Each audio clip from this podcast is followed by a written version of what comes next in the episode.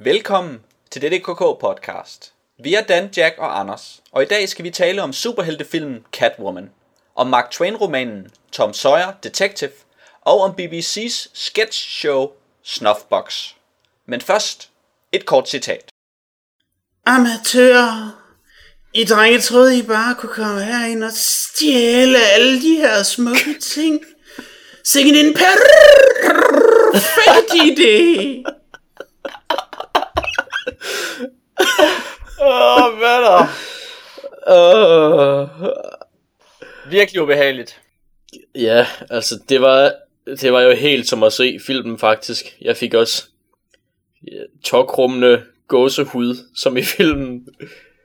Ja, øh, tak for det citat. Det var rimelig at fedt. starte vores, øh, jeg havde altså lige glædet mig til at sige, og i dag skal vi tale om, mm, bær. Nu er der ingen, der glæder sig til noget længere. Nej. Det er som om, at de bær, vi skal tale om, de er blevet lidt sure. Det er, det er over før det begyndte. Ja. Men ikke desto mindre, så har vi jo noget så sjældent som et bær-tema i dag. Tre ting, der handler om bær. Øh, Det, ene, det første bær, vi skal tale om, det er Halle Berry, som øh, spiller hovedrollen i filmen Catwoman fra 2004. Efterfølgende skal vi tale om Huckleberry Finn, som er øh, fortælleren i historien Tom Sawyer Detective af Mark Twain. Og så slutter vi af med at tale om den ukendte af bærerne, Matt Berry, som er den ene af to komikere fra øh, sketchshowet, det britiske sketchshow Snuffbox. Så altså, det er tre bær. Og det er jo sådan, det bliver man jo ikke med af, kan man sige. Det gør man ikke. Så man skal have lidt mere. Så øh, hvad har du lavet øh, siden sidst, Dan? Noget, der kan fylde dine kindposer ud, ud over de her ynkelige tre. Jamen, jeg, har- jeg har fyldt mig med træ, simpelthen øhm, jeg, jeg har set filmen Norwegian Wood øh, fra 2010, som er baseret af den Haruka Marukami-bog fra 2005 af samme navn, og som man fortæller mig, hvis nok er baseret på en Beatles-sang, der også sjovt nok hedder Norwegian Wood, eller inspireret af en Beatles-sang eller sådan noget. Og øh, det var faktisk rimelig god. Der er, øh, det er sådan et, kan man sige, et slags trekantsdrama, hvor den, hvor den ene af de tre parter er død, hvilket selvfølgelig skaber en del for problemer. Øhm, og øhm, ja, altså det er sådan et par, der, der har sådan været sammen som, som venner og så siden kærester, siden de var tre år gamle, og så da fyren er 17, så øh, begår han selvmord, og så hans bedste ven, der så er den tredje af de her, og, og så hende, den overlevende pige, de bliver så en slags forelsket, mens de stadigvæk sørger helt vildt, og så handler filmen om, at, om at de sørger og prøver at, at holde op med at sørge, men, men det går ikke så godt. Det lyder som en lidt tung film. den er lidt tung, og den er måske lige lidt for lang, altså den er lidt over to timer lang, så til sidst så blev jeg måske lidt, øh, så bliver man måske lidt mættet af den her stemning, men altså den formår nogle gange at lave en rigtig god stemning, jeg synes der er nogle rigtig gode scener, hvor de, hvor de render rundt og sørger på sådan nogle, ja, sådan nogle fede måder, og øh, det er sjældent, jeg lægger mærke til, når en film er flot, tror jeg nok, men jeg lagde mærke til, at der var nogle scener her, hvor jeg sådan tænkte, hmm, det ser ret godt ud, så det er sikkert, øh, den er sikkert flot. Er den egentlig japansk? Øh, ja, det mener jeg, men jeg mener, at den er instrueret af en, der er fra Vietnam eller sådan noget. Men okay. De taler japansk i den. Så må den være god. Hvorfor hedder den så Norwegian Wood? Øh, jamen så, det er noget med, at det er noget med, at den sang altså ligesom optræder, øh, den Beatles-sang, der hedder Norwegian Wood, optræder i, øh, i filmen. Måske er det noget med, at fortælleren, eller hovedpersonen, man skal sige, hører den, og så tænker han tilbage på sit, på sit liv. Og så er det ligesom, så er det ligesom det, der trigger filmen. Nå, så det er sådan øh, i gamle dage, mens man hørte Beatles i Japan. Ja, det, øh, den foregår i 60'erne, må det være. Nå, det lyder ret sjovt. Jeg tror Ja. måske stadig Murakami gør det. Og han er ikke, øh, det er ikke uhørt, at han bruger engelske titler til sine bøger. Ja, nej, det er nok ikke den eneste. Men altså, ja, jeg synes, øhm, nu har jeg ikke læst bogen, men jeg synes filmen var, den var rimelig god faktisk. Det lyder som øh, et godt plot egentlig. Et plot, der passer godt til Murakami. Mm. Som tit skriver bøger om folk, der bare sidder og kigger. Ja, det, det gør de også her i, og på, på en, ret, en ret fed måde egentlig. Så kunne de jo lige så godt sørge, mens de sad og kiggede. Det kunne de da lige så godt. Det, det er det, man kalder to fluer med et smæk. det tror jeg nok, det er. Har jeg hørt. Nå, Så synes jeg ikke, du er helt øh, forstående nok over for deres sorg. nej, okay, undskyld. Det er svært at sætte mig ind i det, når der er så mange faktorer på spil. Ja, Det er serious business. Det kan jeg godt se. Nå, men øh, spændende, Dan. Øh, Mm. Hvordan øh, stødte du på den? Hvor samler man lige Norwegian Wood DVD'en op henne? Jamen, jeg fik den anbefalet af en, der havde læst bogen og gerne ville se filmen. Og så tænkte jeg, nå ja, hvorfor ikke se filmen? Så kunne du være en af dem, som øh, kan læse bogen bagefter. Ja, Du har set filmen i stedet for det omvendte. lige præcis, så kan jeg påpege alle fejlene, der er i bogen. Ja. Fedt. Det lyder som en god plan. Jack, hvad har du lavet? Jeg har set den modsatte film måske. Jeg har set Dread. Det er en filmatisering mere af tegneserien Judge Dredd, som vi jo har nævnt før her i podcasten. Øhm, og den... Til at begynde med, så tænkte jeg, åh, oh, wow, fedt, det er en uh, Judge Dredd-film, og så havde man bare hørt alt muligt om, hvordan de var rigtig seriøse med, at det skulle være rigtig Judge Dredd-agtigt, og så første gang, der er nogen, der bliver truet med at blive dømt til fem år i ISO-kuberne for ikke at rydde gaden, så det er også sådan rimelig sejt, men så går de ind i sådan et hus, og så løber de bare rundt og skyder resten af filmen, og det er det eneste, der sker i den. Og så tænkte jeg, det var da egentlig en utroligt kedelig film, hvor der ikke skete noget andet, end at de løber skød. Det forstår jeg ikke, hvorfor man skal lave en film, hvor der ikke sker andet end det i. Det lyder irriterende. Er det sådan Resident Evil-agtigt? Det er det billede, jeg har i hovedet. Ja, det er nok ikke meget galt. Så løber de virkelig meget rundt inde i et hus og skyder Det gør de godt nok. en bygning. Jamen, det er faktisk sådan noget. Det lyder lidt som en skam. Er det så øh, bare Judge Dredd, eller har han sådan et crew af folk, og så er de op mod en eller anden stor fjende? Han har også uh, Judge Anderson med, Ah, okay. som vi jo husker fra historien om Judge Death. Ja, Men de, og så er de oppe imod sådan en gangsterboss, der hedder Mar Og det er ikke fordi hun er en mor, det er bare fordi hun hedder to navne, der begge to starter med Mar. Og så har hun engang været prostitueret, men så bed hun tissemanden af sin pimp, og så vil hun være narkobaron nu, og så er hun det i det der hus. Og så er hun narkobaron, og bestemmer over de andre bander. hun lyder som en rimelig kedelig skurk. Og så opfinder hun slow-mo, som de hele tiden skal tage, og så gør alting helt langsomt. Og så hvis man lige tvinger nogen til at slow-mo, og så smider dem ud fra 200 etage, så er det bare rigtig træls, fordi så skal de falde helt længe. så diabolsk er hun bare Det er sgu da en Ej. mega god idé, Jack. mega god. Den bliver også malket, det kan jeg garantere dig. Det kan jeg sgu Det godt kunne man forstå. forestille sig. Men den var kedelig, og ikke, jamen, jeg ved ikke, måske forstår jeg bare ikke actionfilm. Men det er bare kedeligt, når folk de bare skal løbe rundt og skyde og ikke lave andet. Men hvad så med sådan blod og vold og sådan noget? Så kan jeg forestille mig, at der er en masse af sådan noget i den. ja, der er sådan noget slow motion vold. Det er rigtigt, det er der. Det er sådan noget vold, der er der. Ja, okay. Hvis de der ikke er noget at sige om og det, så. Så er der nogen, der nogle gange bliver skudt i, måske lige kinden, eller lige maven, eller sådan noget. Så bløder de. Ja, så det er ikke det, er ikke det helt vilde, altså volden, det er heller ikke sådan, at man, er, man frydes over sådan Judge Dredd-aktiv vold. Nej, og jeg tror ikke, jeg, altså jeg frødes ikke så meget over Judge Dredd. Jeg savner lidt, at filmen handlede om noget, hvor han på en eller anden måde kom i karambolage med friheden. Fordi det er det, der er det fede ved ham, når han øh, undertrykker folks frihed. Men altså, det gjorde han ikke rigtigt. Han skød bare nogen, som trængte til at blive skudt. Ja, Okay. Og der var aldrig nogen, der rigtig havde nogen problemer med, hvad der foregik. Han, var aldrig, han, var meget, øh, han fremstod meget sympatisk. Også på et tidspunkt i starten, hvor de er på vej ind i den her towerblok, hvor de kommer forbi sådan en tigger, der sidder og tigger. Og han, får, øh, han står selvfølgelig til tre uger i en ISO-kube for at sidde der og tigge. Og så siger Judge Dredd bare, at øh, du skal bare gå, inden jeg kommer tilbage. Så, så det er okay. Så gider jeg gerne holde dig. Ja, det wow, går det ikke. lyder, nej, det lyder super, altså ikke Judge Dredd-agtigt. Det vil jo aldrig gå så. Det vil være anarki. Ja, lige netop. Nå, det var en skam. Så det var jeg ret skuffet over. Og jeg ved ikke, jeg synes Sylvester Stallone har en meget sejere mund, end Carl Urban har. Uh, Sylvester Stallone, Taler han til sin pistol? Øh, det, ja, det gør han på et tidspunkt. Der er, der er sådan en i starten, hvor han, øh, han er efter sådan en skurk, og så står skurken med sådan et gissel, og så siger Judge Dredd eller andet, ah, læg din pistol, hotshot. Og så er skurken sådan, hvad? hvad? Hvad sagde du? Og så er han sådan, jeg sagde hotshot, og så forstod hans pistol der, og så kunne han skyde med noget, der hedder hotshot. og det var sådan en flare, som han skød ind i munden på ham, fordi det er den hurtigste måde at dræbe nogen på, så de ikke kommer til at skyde et gissel, det er, hvis man skyder dem i munden med en flare. tydeligvis. Uh, jeg kan, det, det er sådan lige før jeg forestiller mig, at pistolen, det er sådan en, uh, det er sådan, nærmest sådan en sarkastisk lille britte, der sådan, sådan leder ham på vej. Men Ja. så langt er de måske alligevel ikke gået. En mincy little faggot gun. Nej, øhm, den er meget sådan, I ved, lavpraktisk science fiction. Det er meget Ja. ja. gritty og meget nutidigt det hele. Og han har sådan noget meget funktionel rustning på. Så jeg savner lidt nogle øh, meget, meget store skulderplader. Og især den der øh, kæde, der er mellem hans lynlås og hans dommerskilt, som jeg altid har synes var noget af det bedste ved hans uniform. Den er væk. Det... Er det, helt, ja, helt sikkert. Nå, ja, okay. Så det synes jeg er lidt ærgerligt. Men hvis de har taget skulderpladerne, så er det måske svært at have kæden. De har ikke skulderpaderne, og kæden har ikke noget med hinanden at gøre. Altså kæden den sidder jo bare mellem hans dommerskilt, som sidder for sig selv, og er sådan en kloakdæksel størrelse.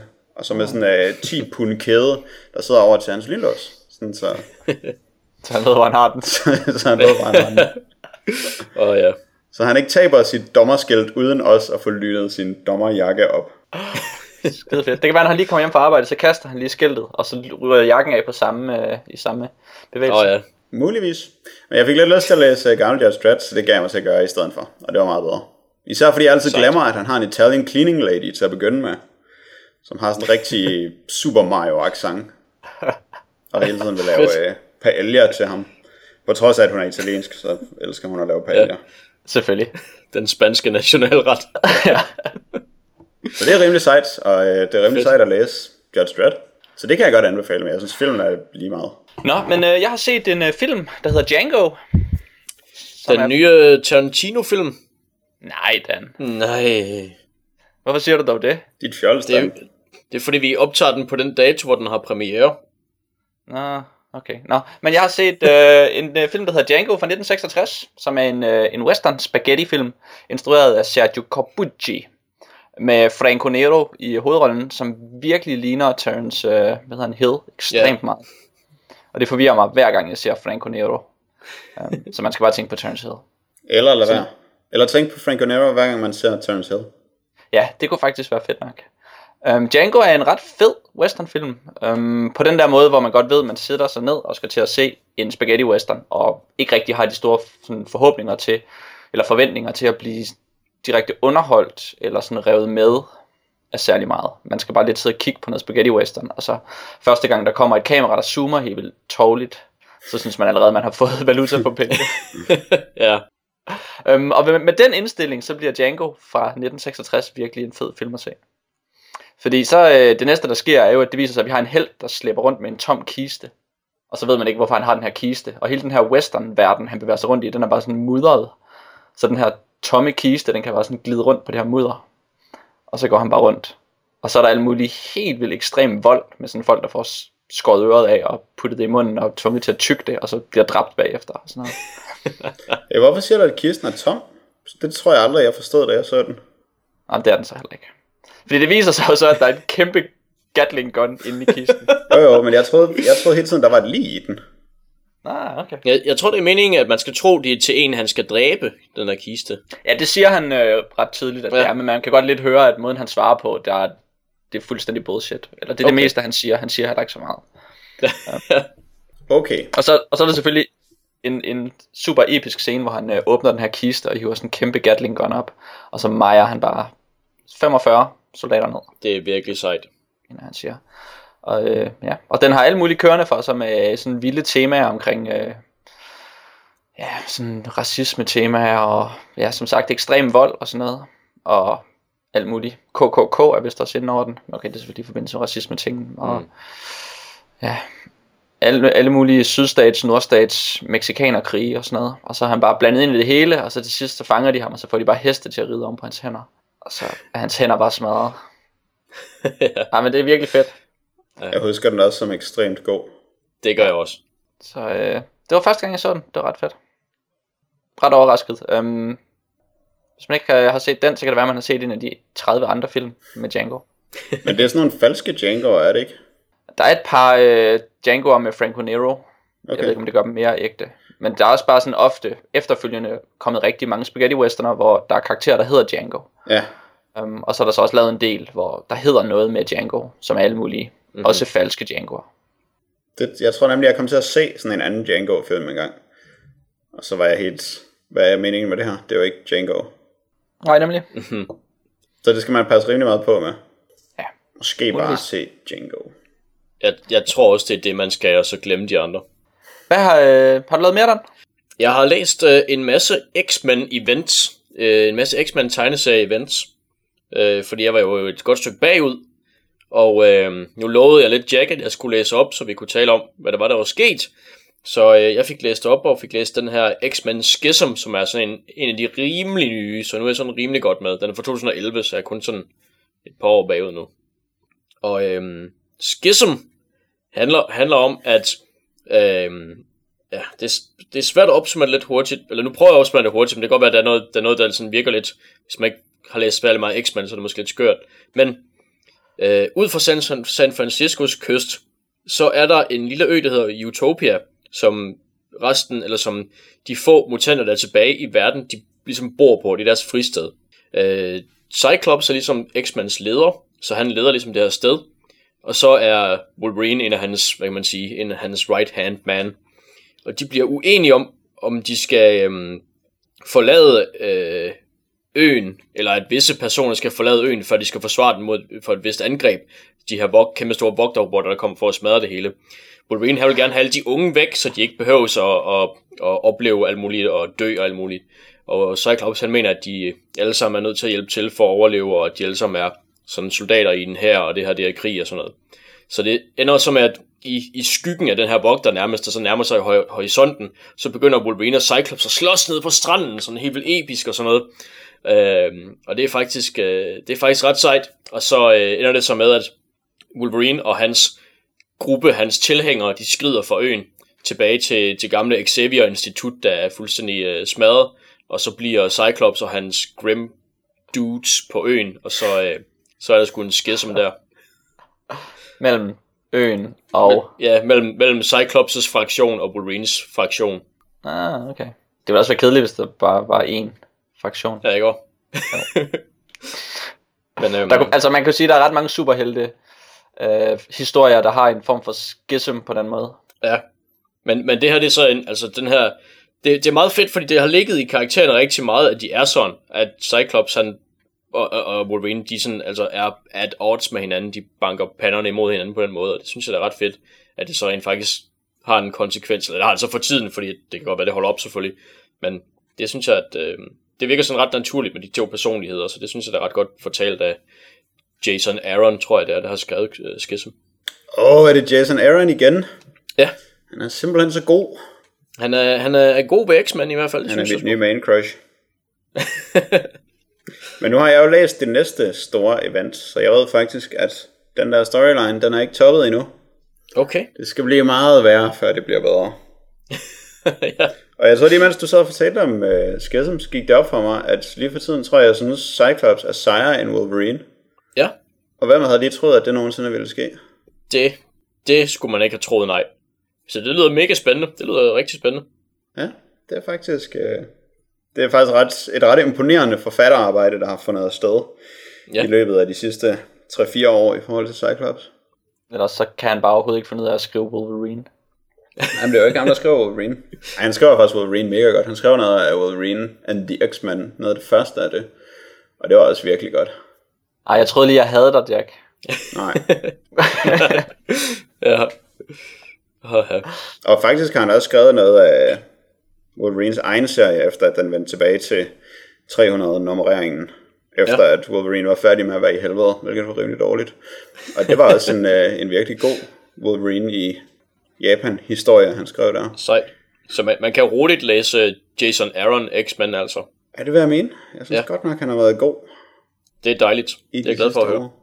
Men det er jo ikke kun hans fortjeneste, at Nej. alt det her med Schism og de efterfølgende serier har været rigtig gode. Øh, Klart nok. der var lige, øh, kæden hoppede lige lidt af under det der med øh, mutanter mod vampyrer, som, som var ekstremt åndssvagt og dårligt. Ja. Der ved jeg ikke helt. Der gik måske Twilight i den eller et eller andet. Kan du huske, om det var, der skrev det? Øh, det har jeg måske fortrængt. Ja, det er jeg også. Øh, men, men det var også det var også rigtig dårligt, og det er lige så fjollet, som det lyder. Øh, det starter med, at der er sådan en ung... Øh, Draculas yngste søn dræber Dracula, og nu er han den nye leder af vampyrklanerne. Haha. Men Dracula er selvfølgelig ikke død, fordi det er Dracula. Og han vil lave alle X-Men om til vampyrer. Ja, Fordi, fordi så er har han, X-vampyr, og det er bedre Så- end... ja, Jeg ved ikke. så han, han Det er griber godt. dem. Det er, en, det er en dårlig historie, lad være med at læse den. Så øh, ja, Curse of the Mutants, nej tak. Okay, hvad har du uh, lavet, Jack? Jeg har set uh, to Brad Pitt-film, faktisk. Og øh, det skyldes lidt, at jeg kom til at se en dokumentarfilm om uh, de såkaldte Irish Travelers, som er sådan nogle irske uh, cigøjnere, der rejser rundt, og så slås de helt vildt. Og så gav det pludselig mening, den slags cigøjner, som han er i Snatch, mm. hvilket jeg altid har syntes var vildt mærkeligt, for jeg synes ikke, han var særlig cigøjneragtig. Han var et eller andet mærkeligt, jeg ikke vidste, hvad var. Men det er så fordi, der er sådan nogle irske cigøjnere, som er præcis ligesom han og hans familie er i Snatch. Og så så, jeg Snatch igen, fordi det var længe siden, jeg havde set den. Øh, og så gik det op for mig, hvor meget jeg elsker, når Brad Pitt han spiller quirky. Og så ville jeg gerne prøve at finde ud af, om der var nogle øh, quirky Brad Pitt-film, som jeg ikke havde Og må jeg set. så gætte på, hvad du så? Ja, det må Nå, jeg som du gerne. ikke havde set. Okay, nå. Nej, jeg håbede det, du havde set 12 Monkeys. Den har jeg jo set for længe siden. Den kender jeg Ja, det allerede. var det. Det kunne være, du lige skulle se den igen. Så, men det var en af dem, som jeg kunne. Mi- Mit gæt vil være True Romance, hvor han spiller Floyd, der bare ligger på en sofa hele tiden. Jamen, der er lidt for lidt Brad Pitt i den, og den Ja, har jeg også set igen. Det skulle jo helst være nogen, som jeg ikke havde set før. Ah. Hvad valgte du så? Så valgte jeg at se uh, Moneyball og Burn Before Reading. Mhm. Og jeg ved ikke helt, hvorfor jeg troede, at Moneyball ville være quirky. Det var mest bare fordi, det var sådan en ny... Men han er jo faktisk rimelig quirky i den. Der er i hvert fald sådan nok uh, manisk Brad Pitt til, at det var lidt sjovt indimellem. Men sportsfilm er godt nok lige så kedelige, som actionfilm er. På den der måde, hvor der bare, hvor der bare folk, der løber rundt. Og de, det ved jeg ikke, de løber så ind i bolden, i stedet for at skyde, men det er sådan det samme. Men Brad Pitt var også Ja. i den. Og i Burn Before Reading, der var han, øh, der var han rimelig quirky. Ja, der er øh, han sådan en office guy, ikke? Der er han øh, sådan en træner i et fitnesscenter. Åh oh, ja, det er rigtigt. Han har sådan en grim sweatshirt på. Ja, han har sin hardbody sweatshirt på, og så vil hende der fra Fargo hele tiden ham til at tage et jakkesæt på, men så gider han ikke. Og der er en rimelig mærkelig, og, øh, Mm. og op og køre på den der Brad Pitt-aktive måde, som jeg elsker. Det kan jeg virkelig godt lide. Så jeg vil ønske, at jeg kende nogle flere film, hvor han var quirky. Men Bird Before Reading er jo faktisk ret god, fordi der er rigtig mange quirky folk med i den, i og med, at det er en Coen-film. Så er alle selvfølgelig quirky i den. Og den er meget hyggelig på sådan en Coen-måde, hvor den bare sådan er god, uden at være spektakulær. Ja, men det er måske også en af deres mindst spektakulære film. Sådan hvad hele... Hmm, øh, sådan, den kører ikke særlig meget op og ned. Der kan godt være nogle, nogle rimelig magiske ting med i, øh, i Coen-film nogle gange, som gør ting til... Man får en fornemmelse af, at historien er lidt større, end hvad den egentlig, sådan, Ja. hvad den egentlig er. Ja. Og i Burn øh, After Reading, der er den bare det, den er. Ja, det er en meget straightforward historie. Jeg kan godt lide nogle af afsløringerne af, hvordan plottet hang sammen. Fordi man så begyndte med at ikke helt ved, hvordan alle historierne hang sammen. Og så var der noget af det, som blev forklaret på sådan en rimelig subtil måde. Som for eksempel at advokatsekretæren, hun sådan leder i sin taske efter en CD-rom. Og så forklarer det, hvor CD-rommen kom fra. Og derefter han har hørt en del om CD-rommen. Og det var sådan meget elegant. Der kunne jeg godt lide den. Men udover det, så er det mest bare nogle gode, quirky skuespillere, der quirker rundt. Ja, Der quirker rundt. quite. Men har I givet mig alle jeres bud på, hvilke Brad Pitt-film han er quirky i? Har, har du set den der Fight Club? Ja, den har jeg set. Ja, Faktisk. der er han vel også sådan forholdsvis quirky. Nej, det er han. Snatch, han er også rimelig quirky. Ja. Men jeg, ved ikke, jeg, jeg tror slet ikke, jeg kan lide ham, når han er sådan en seriøs skuespiller. I sådan noget Legends of the Fall og sådan noget. Eller når han spiller djævlen i den der film. Hvad er det for en film? Den der, hvor han er djævlen. Er det den der, der hedder Meet Joe Black? Ja, lige præcis. Ja. Den er virkelig pet på den kedelige måde. Okay. Er, det, er det ham, der er djævlen der? Er det ikke? Jeg kan ikke huske, Ah, okay. om han møder djævlen. Nej, det kan godt være, det er ham. Det, jeg har ikke set den i 100 år. Den, den, øh, hvad hedder det, man får ikke så, så øh, varende et indtryk, når man har set den. Men jeg synes, det er rimelig sjovt, at han kan være så utroligt kedelig. Og også mm. så utroligt sej. Ja. Hans agent burde være lidt bedre, synes jeg.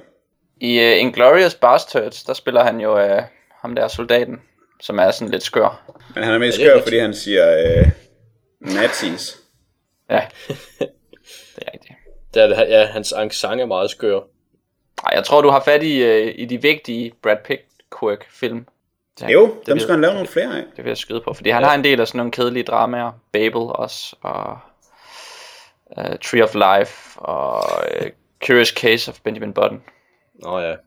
Der er han virkelig kedelig. På den fuldstændig samme måde. Seriøse Pitt. ja. What a waste of talent. En, der jo ikke uh, spilder sit talent, det er Django. Fordi jeg har selvfølgelig også set Django Unchained. Ja. Um, og øh, det er jo så en Tarantino-film, som, eller Tarantino, som prøver ligesom at lave et eller andet, der har noget med Django at gøre. Og det finder man jo så ud af, når man sådan ser den originale Django, og finder lidt ud af sådan Django-mytologien, at alle folk jo bare kan lave en Django-film. Og så giver det ret god mening, at Tarantino også laver en Django-film, som selvfølgelig ikke har en skid med den øh, originale at gøre. Udover at de begge to har samme intro-sang.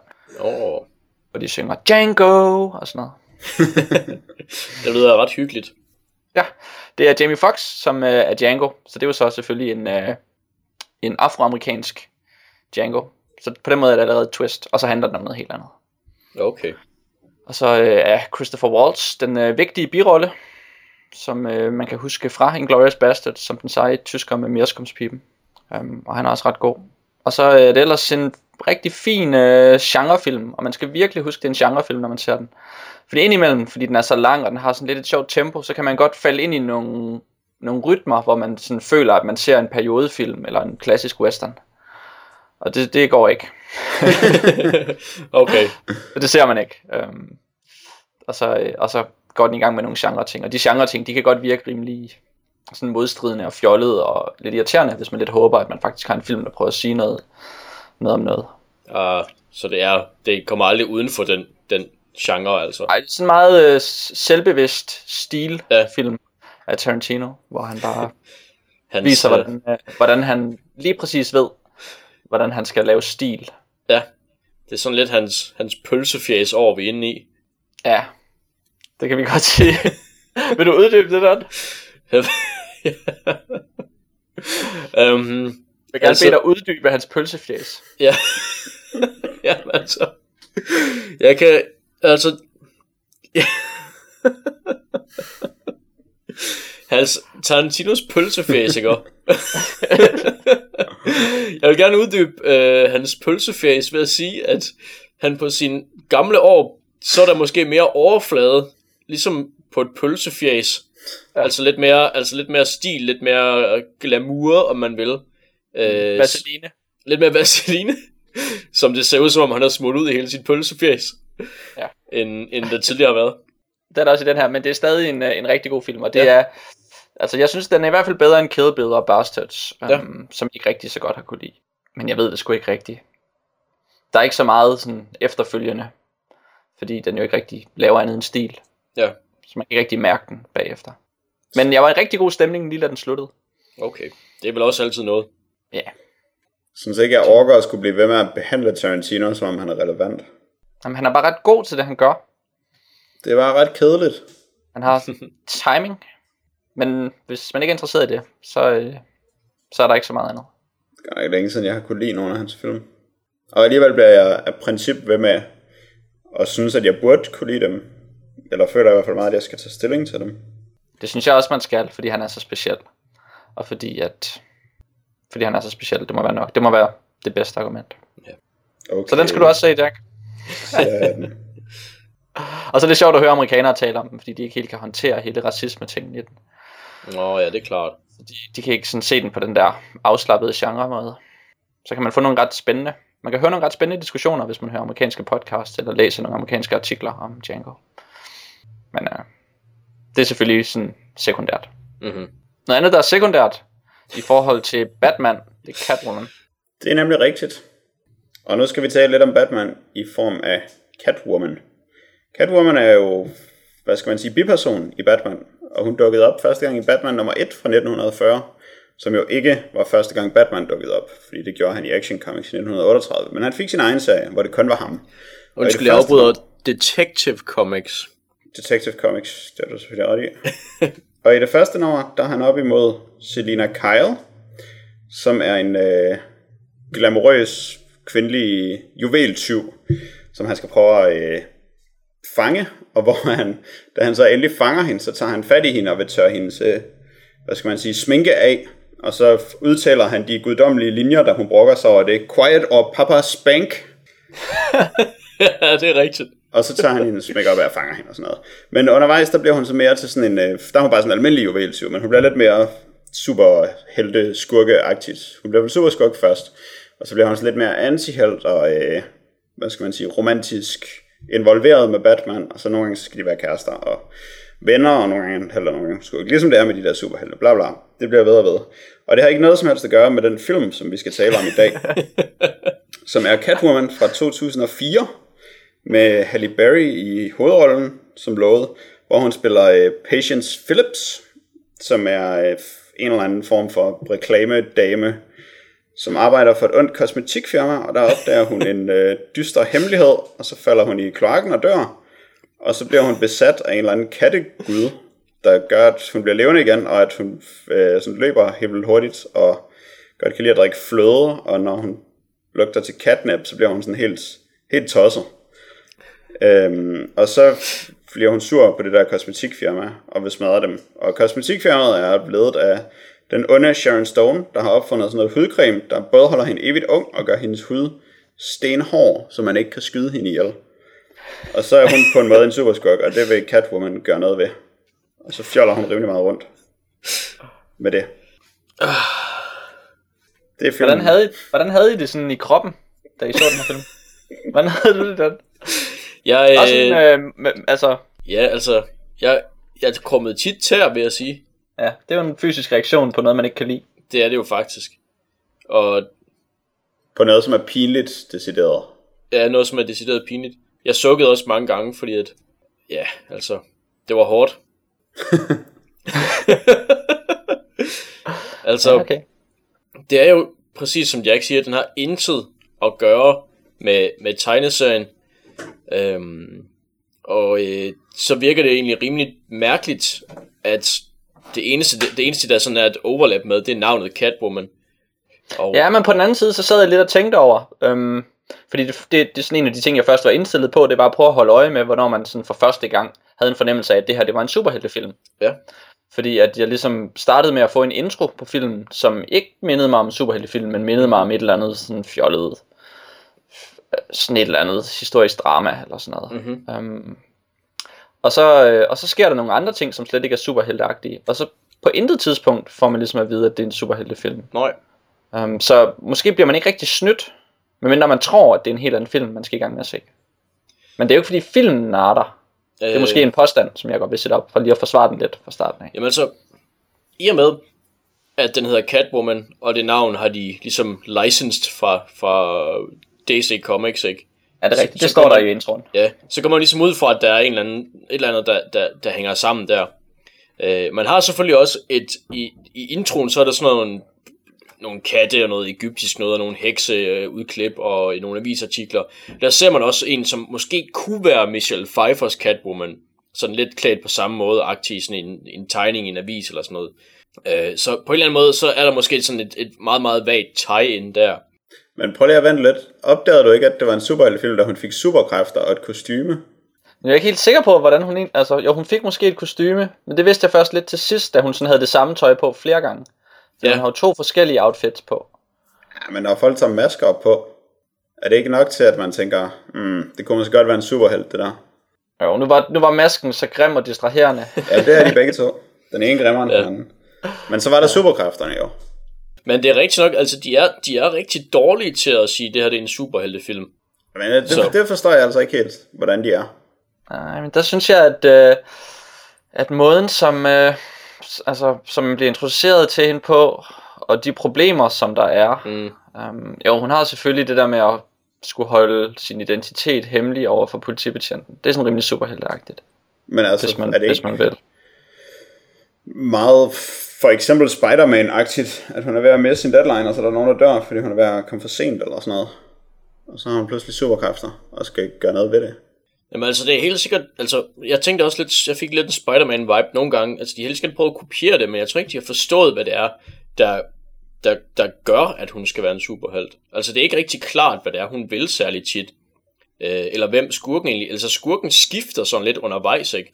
Først så er det Sharon Stones mand, øh, Mr. Stone, og så, så, er han ligesom, så er han ligesom sat op og dræbt, og, og så, når man, så er det så hende, øh, altså Sharon Stone, der er skurken, som, som af en eller anden grund gerne vil hjælpe Catwoman med et eller andet, man ikke er helt sikker på, men nu vil hun ikke hjælpe hende, og nu hun sat hende op, øh, øh, narret hende for mordet på manden. Men jeg forstår ikke, stadig ikke, hvordan det skulle bringe ind i tvivl om, at det var en superheltefilm. Øh, fordi, det, fordi det er så dårligt eksekveret, så bliver man i tvivl om, hvad det er, der foregår. Ja, ja, jamen, det er jeg ikke uenig i. Jeg er også i tvivl Ja. om, hvad der foregår, men jeg er ikke i tvivl om, at det er en superheltefilm, fordi der er en superhelt med superheltekræfter og et superheltekostyme. Hvad er det? Altså... Pff, Nej, jeg ved ikke. Jeg synes, jeg synes kostymet, altså som, som Pøde han korrekt siger, altså det er ikke, man, man ved ikke helt, hvornår det bliver et kostyme. Altså, det er jo bare et Altså, eller når andet man tager læder. en maske på. Ja, det er jo bare et eller andet læder outfit til at starte med, som hun har fået af sin sassy white friend. øh, så, og så tænker man... Jamen, det kommer okay, vi til det der, der Ja, ja. Men så, så, så tænker man ligesom, okay, laver hun så et kostume ud af det? Eller er det bare det outfit, der er kostymet? Eller, altså, der, der, man, mangler, man mangler, at det bliver bygget op til, at det er noget. Fordi det er der sådan set bare. Ja, den kunne, den kunne være gået i mange retninger derfra. Jeg så det ikke Ja. ja. helt, jeg så det ikke som en superheltefilm på det tidspunkt. Så tror jeg, I gør jer umage for ikke at gøre det. Nej, altså jeg, jeg synes bare, som en film er så, er, er så dårlig til at sætte det op, at man kan komme i tvivl. Altså sådan, Den kunne have taget det i rigtig mange retninger, fordi det virkede meget som en venindefilm på det tidspunkt. Og altså der er ikke hun rigtig fik noget... superkræfter og et kostyme, Ja, du, altså du tænker på der, hvor hun kommer op på motorcyklen, ikke? for eksempel, eller op på sin altan. Det var første Ja, det der, det hopper hun op på altanen, og så går hun ind, og... Øh... Ah, okay, der hvor hun tæsker ham der fyren der. Det er sådan rimelig... Øh... Det er rimelig godt. Det er måske faktisk en af de bedste scener. Dem, dem der, der larmer, og så går Og hun, og ham- sparker ham- hun døren ind, ja. og så, og så skyder hun øl på højtalerne, sådan, så de ikke kan larme længere, og så tæsker hun ham. Men alligevel det ikke, altså det er jo ikke en, en den scene, selvom hun demonstrerer, at hun kan noget der, det er jo ikke ligefrem fordi, at man får øh, den fornemmelse, at hun ligesom, nu kæmper hun for retfærdigheden eller et eller andet. Nej, det er, nu sidder jeg og tænker sådan en Ja, film men som det, dem. alle, rigtig mange superheltefilm starter med, at de bruger, gør et eller andet fjollet for at vise, at de har superkræfter, før de går i gang med at skulle slås for retfærdighed og mod skurkene. Ja. Men altså for eksempel sådan en film som Mask, eller hedder den The Mask? Mask Ja, med Jim Carrey. Mask, Ja. Øhm, den, den har jo, den vil jeg, det, det, er lige før, at jeg hellere ville sammenligne den med den, Mm. øh, på mange punkter, end med for eksempel Spider-Man, hvis jeg husker Spider-Man rigtigt. Jeg Jeg synes husker godt, kan Colin Mask meget overfladisk. Ja. Det kan jeg ikke lide til. Fordi der, der kan han også alle mulige ting, og det er også hmm, rimelig ustruktureret, og, og man får ikke helt den episke fortælling, og man får ikke rigtig en forståelse for karakteren, øhm, og der er ikke den der baggrundshistorie. Øhm, sådan øh, Spider-Man, der har mistet sine forældre, eller et eller andet, eller, Super, eller Batman, eller Superman, eller alle, alle dem, der har mistet deres forældre. Det har hun ikke. Jamen, det, er det, det er også et problem med, med, med filmen. Jeg ved ikke, om man kan sige, at det er et problem med den som superheltefilm, eller bare som film, men i hvert fald med hendes karakter, man ved så lidt om hende, Mm. at, at det også, altså, der, der vil man også gerne vide noget mere. Det er sådan lidt, åh, oh, Halle Berry, der skal forestille at være kikset, men lige meget hvad hun gør, så er hun jo altså meget køn, så det er jo ikke fordi, at man tænker, åh, hvor sikkert en idiot, var. Det er lidt mere den der, øh, prøv at forestille dig, hvis det her nu skete film. Ja. Sådan, prøv at forestille dig, hvis du var Gud for en dag, eller prøv at forestille dig, hvis øh, du ikke kunne lyve, som er to eksempler på, forestil dig, at det her det ville ske film. Og prøv at forestille dig, hvis der kom sådan en kat, og så pustede sin sjæl ned i dig, Ja, eller sådan noget. Ja. Der kan man også være hen. Ja, det, det er lidt en sjov scene, fordi den, altså den, synes jeg, den scene, den peger i hvert fald ret meget tilbage til, til Michelle Pfeiffer, Catwoman, ikke? Hvor, hvor hun falder ned, og så kommer katten og slikker hende, og så vågner hun ligesom op og er, og er Catwoman. Og her så, så kommer de så og, og laver noget dårligt CGI og ånder hende ned i øjnene eller et eller andet, så hun så... Jamen lad os prøve, lad os, altså jeg er sådan set, øh, ja, altså, jo, det er jo en superheltefilm, det er jeg med på, men jeg var i hvert fald, øh, jeg tænkte lidt på mange forskellige ting, mens jeg sad og så den. Det var sådan set det, jeg ville frem til. Øhm, at være lidt djævelens advokat omkring det, men, men dine argumenter holder jo, Jack. Men altså, og under alle omstændigheder, så synes jeg måske ikke, det er det centrale problem i filmen. Eller, Nemlig. Det er rigtigt. Fordi dem har den masser af. Ja. Ja. Altså CGI'en, det er jo noget af det, der springer mest frem. Øh, meget, meget bogstaveligt. Ja. Fordi øh, den er instrueret af Pitoff, som er, ja, det hedder han bare. Det er i hvert fald et kunstnernavn for en, øh, en fransk instruktør. Han har lavet filmen Vidocq, som er sådan en ret fed, øh, magisk realisme, øh, detektivfilm, mm-hmm. vel, som øh, har sådan noget Jack the Ripper stemning over sig. Øhm, og den laver han rigtig fedt med en masse effekter øhm, og en masse stil. Og så skal han lave Catwoman, og så har de lavet sådan en CGI øh, 3D-modellering af, af Halle Berry, som Ja. løber rundt. Og det er umuligt at følge med i, og, og der er ikke noget, man kan nyde. Øhm, det er i hvert fald min, min tilgang til, til at se hende bevæge sig rundt. Og mindst, det mest sådan, fatale ved det, det er, at man får ikke en fornemmelse af, at hun skal være en kat. Og hvordan er det lige, de klipper det der, hver gang der er noget, der går hurtigt? Altså den der scene, hvor hun skal spille basketball for at demonstrere sine superkræfter over for sin kæreste, hvor de bare sådan klipper helt vildt, klip, klip, klip, og det er rimelig tydeligt, at hun bare sådan står og kaster bolden frem og tilbage imellem sine hænder. ja. Men de klipper helt vildt og spiller sådan noget utroligt irriterende hip-hop R&B-musik. Soul R&B. Soul R&B. Jamen ja, det er virkelig et problem med soundtracket også, fordi man kan ikke engang finde ud af, hvad det er, de prøver at spille. Det er sådan mærkeligt remixet R&B eller sådan noget. Med sådan lidt, yeah, yeah, oh yeah. Der er du den der sådan 2004 øh, venindefilm, Sex Ja. and the City øh, målgruppe ting. Det er det, som de det prøver kommer lidt med der. det her. Øh, Ja. Sådan lidt, lidt peppet op. Nu Ja. skal vi bare i byen og være lidt frække og flirte helt vildt hårdt med en politimand. Ja, Så hårdt, som man slet ikke forstår, at de flytter. Ja. Flytter til Øhm. nogle stykker. Jeg kom til at se på øh, danskskærm, mens han sad og så den med hovedtelefoner på, og så nogle af de der action-scener. Det var den, hvor hun øh, går ind på den der bar, og har den værste drinksbestilling i nogen film. Hvor hun bestiller en White Russian, men så vil hun ikke have noget is i, og hun vil ikke have noget vodka i, og hun vil ikke have noget kalur i. Fordi hun vil selvfølgelig bare gerne have et glas fløde, fordi hun er jo en kat. Get it! Ja.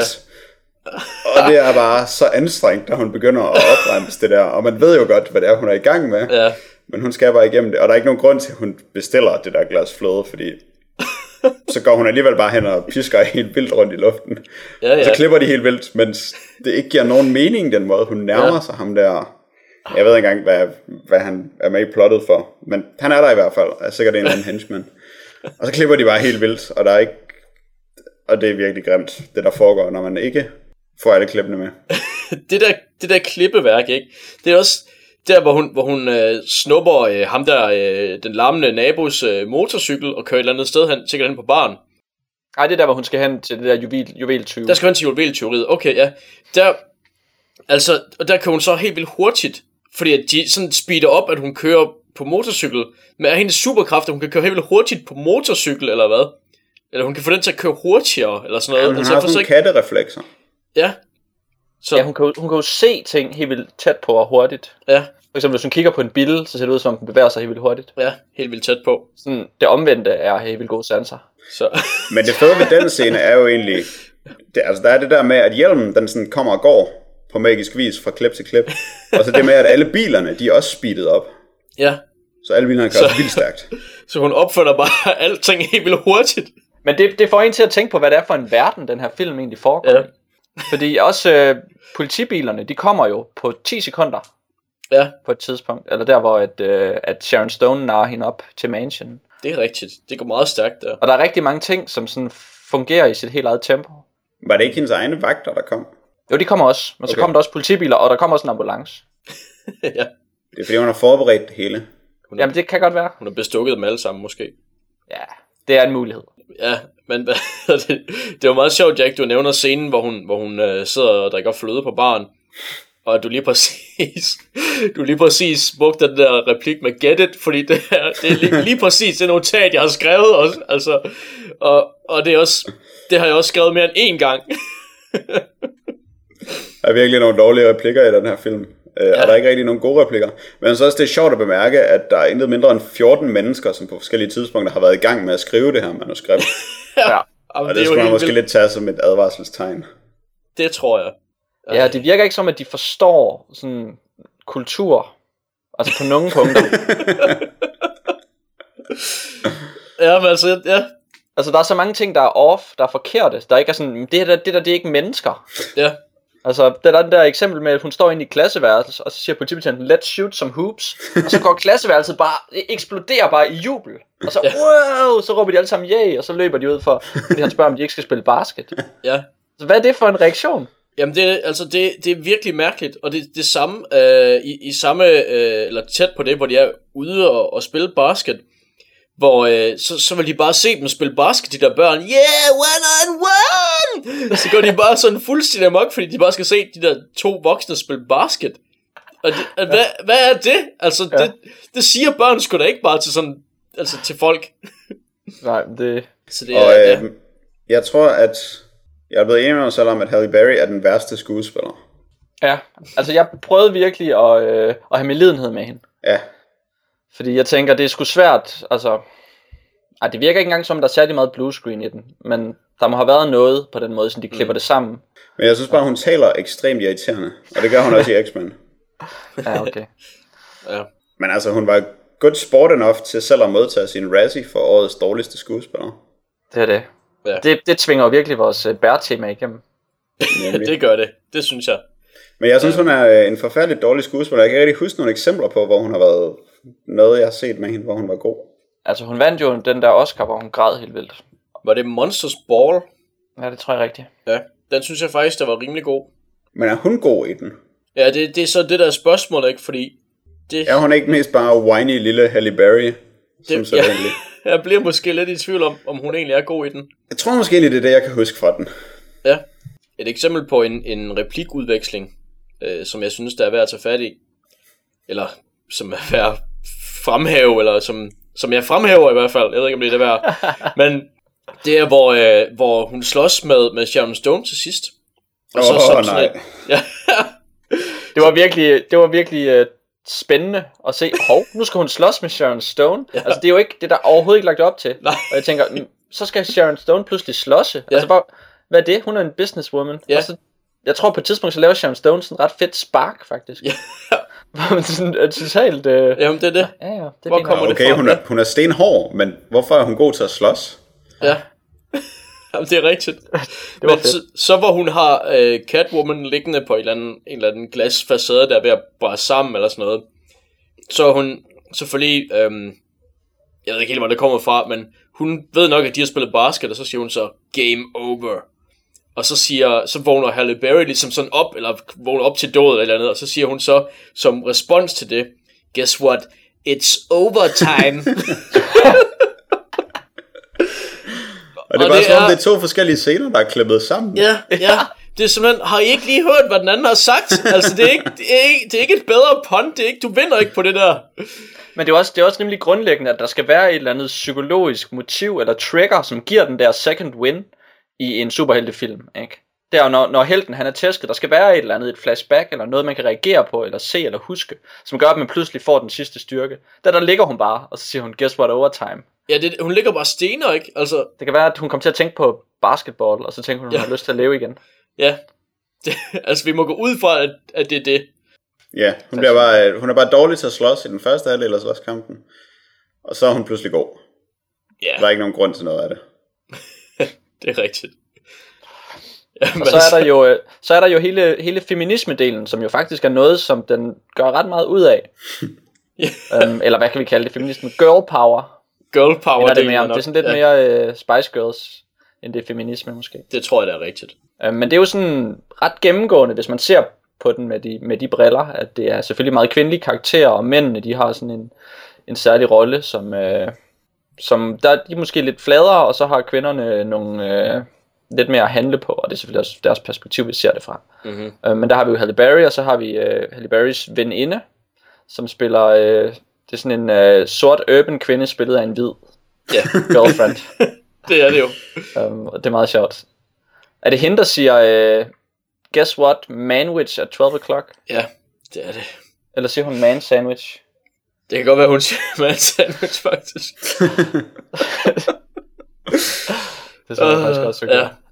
ja. um, Så dem har vi, så har vi selvfølgelig Sharon Stone, som er masterminden bag det her øh, beauty øh, kosmetikfirma, og hele kosmetiktemaet er jo selvfølgelig også sådan et- noget, der, der er sådan inden for sådan en mere, en mere øh, feminin verden. Ja. Um, Ja, det bliver meget fremstillet, som om det er ret kvindeundertrykkende med det her creme. ja, Mm. det er præcis. Det virker som om det er et evil male plot mod kvinder. Det er det, og der er sådan flere øh, sådan, hvad skal man kalde det, stikpiller, hvor de ligesom får sagt nogle små ting omkring, hvad er det, der er et tidspunkt, hvor Sharon Stone siger et eller andet med, at der er en masse frygtelige ting ved at være en kvinde, eller sådan noget. I'm a woman, I'm used to doing things I don't want to do. Ja, Ja, det er rigtigt, det er sådan noget. Ja, Som jo er sådan rimelig, ja, noget med bid, ikke? ja. Jo, på en måde. Men er også lidt underforstået, at øh, kvinder faktisk ikke kan lide at dyrke sex. Og det, der, det ved jeg ikke helt, hvor kvindefrigørende det er.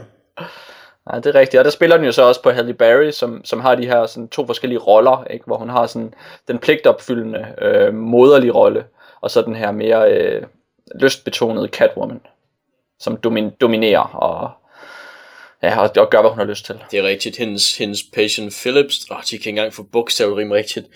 Uh, Patient Phillips, uh, hvad, som, som er den her underdanige type, og som hun, ja, som hun er i starten, og som skal være kikser og sådan noget, der så skal være en kontrast til den frigjorte Catwoman, hun bliver senere. Ja, som jo er så lidt frigjort, som man overhovedet kan være. Men, Ja, ja, men vi kan da godt lege det. ja det er det. Men så skal hun lige uh, skamme sig lidt over, at hun var lige ved at dyrke sex med ham på et tidspunkt. Ja, helt ærligt. Det er Hun havde bare lyst, seriøst. men hun gjorde det ikke. Don't worry. Ja, bare rolig. Jeg kom lige til at tænke på den her scene, hvor hun hopper ud af politi, hun, da hun slipper ud af politistationen, og, og så hopper hun ud af et vindue, fordi hun er ved at blive opdaget, og hun kan selvfølgelig bare lande. Og så lander hun på jorden, og så er der sådan en bil, der ligesom kører ind i hendes, ind i hendes mås. ja, Rigtig fjollet, sådan bum, måde. Ja. ja. Og så viser det sig, at bilen er en Jaguar, og så er der sådan et eller andet sådan åndssvagt katteting, Ja. som hun lige dyrker, og det er bare Ja. sådan, hvad fanden? Hun får de der mærkelige hjerneblødninger med katteting. Som, Ja, Ja, og, altså, og det er som om, at det er en del af hendes kattemutation, at hun bliver nødt til at stjæle smykker. ja. Men altså, hvornår har Som- katte interesseret sig det mindste for smykker? Ja, men det er simpelthen, det irriterer mig så meget, især lige den der ting. Det der med, at katte er jo, de elsker jo det halskæder eller sådan noget. Altså, hvad, hvor kommer det fra? Det forstår jeg overhovedet ikke. og det der med, altså, jeg synes mere, når hun hopper rundt, så at hun ligner sådan en eller anden salamander, ikke? Og At hun ligner en kat. Altså, det Ja. virker bare ikke. Nej, Altså, det, det er sådan set det mest kriminelle, at de får overhovedet ikke styr på katten, og så får hun den Ja. der hjelm, som ligner sådan en, øh, sådan en eller anden mærkelig tunge, som slikker hen over hendes pande. Eller måske sådan en uh, tea cozy. Ja. Ja, det kunne det godt gøre lidt faktisk. som hun får af Crazy Cat Lady, som selvfølgelig er hendes mentor. Men det er også, altså, det er, de, de er virkelig, det er virkelig meget, meget søgt, de der kattereferencer. Og, og, og, og der hvor de spiser sushi, så tæsker hun bare tun i hovedet, fordi at hun er jo en kat, fordi, og det er jo, så er det jo bare det fedeste, man skal bare vælte tun ind, og så sidder ham der Tom, hendes kærlighedsinteresse, ja, du kan godt lide fisk, var. Og det, og det er simpelthen, Ej, men den, den bygger jo også på lige præcis den der, den der øh, kvinderolle ting med, at en kvinde må ikke spise Ja. ja. vildt hurtigt. okay, det er Og måske det, og det er den, hun bryder, fordi at hun bliver domineret af, sit, af sin instinkt. Um, så man kan sige, den, den holder jo sådan set. Jeg kan godt se, hvad du mener der. Det ser bare så dumt ud, fordi Ja, de bare det er så, fordi Halle de Berry sidder og skuespilleren, der skal gøre det. Ja, Men altså, så skal de alligevel lige have den der med, at hun skal have det lidt dårligt med det, da hun ja gør det. det er rigtigt. Så Ja. får hun skammen tilbage. Ja, Det er ikke helt okay. han shamer hende lige lidt. Hun skal begynde at grine helt vildt manisk. Ja, ja. Uh, ja. Og jeg synes især den, den scene, hvor de havde mulighed for rent faktisk at vise hende med, med, nogle, uh, med noget rutsbar, som man siger. Ja. Um, det er så der, hvor han vil anholde hende, hvor hun så går frivilligt med, i stedet for bare at give ham en på bæret, og så skride og sige, åh, oh, en på bæret, fik jeg den, og ja. Så sige, at jeg, jeg er fandme Catwoman, og nu beviser jeg, at jeg ikke har gjort alt det der pjat.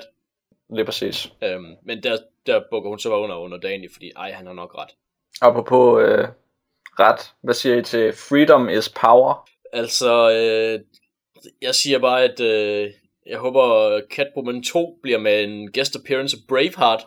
Ja. Ikke en guest appearance af Braveheart, men måske vi kan få en uh, guest appearance af...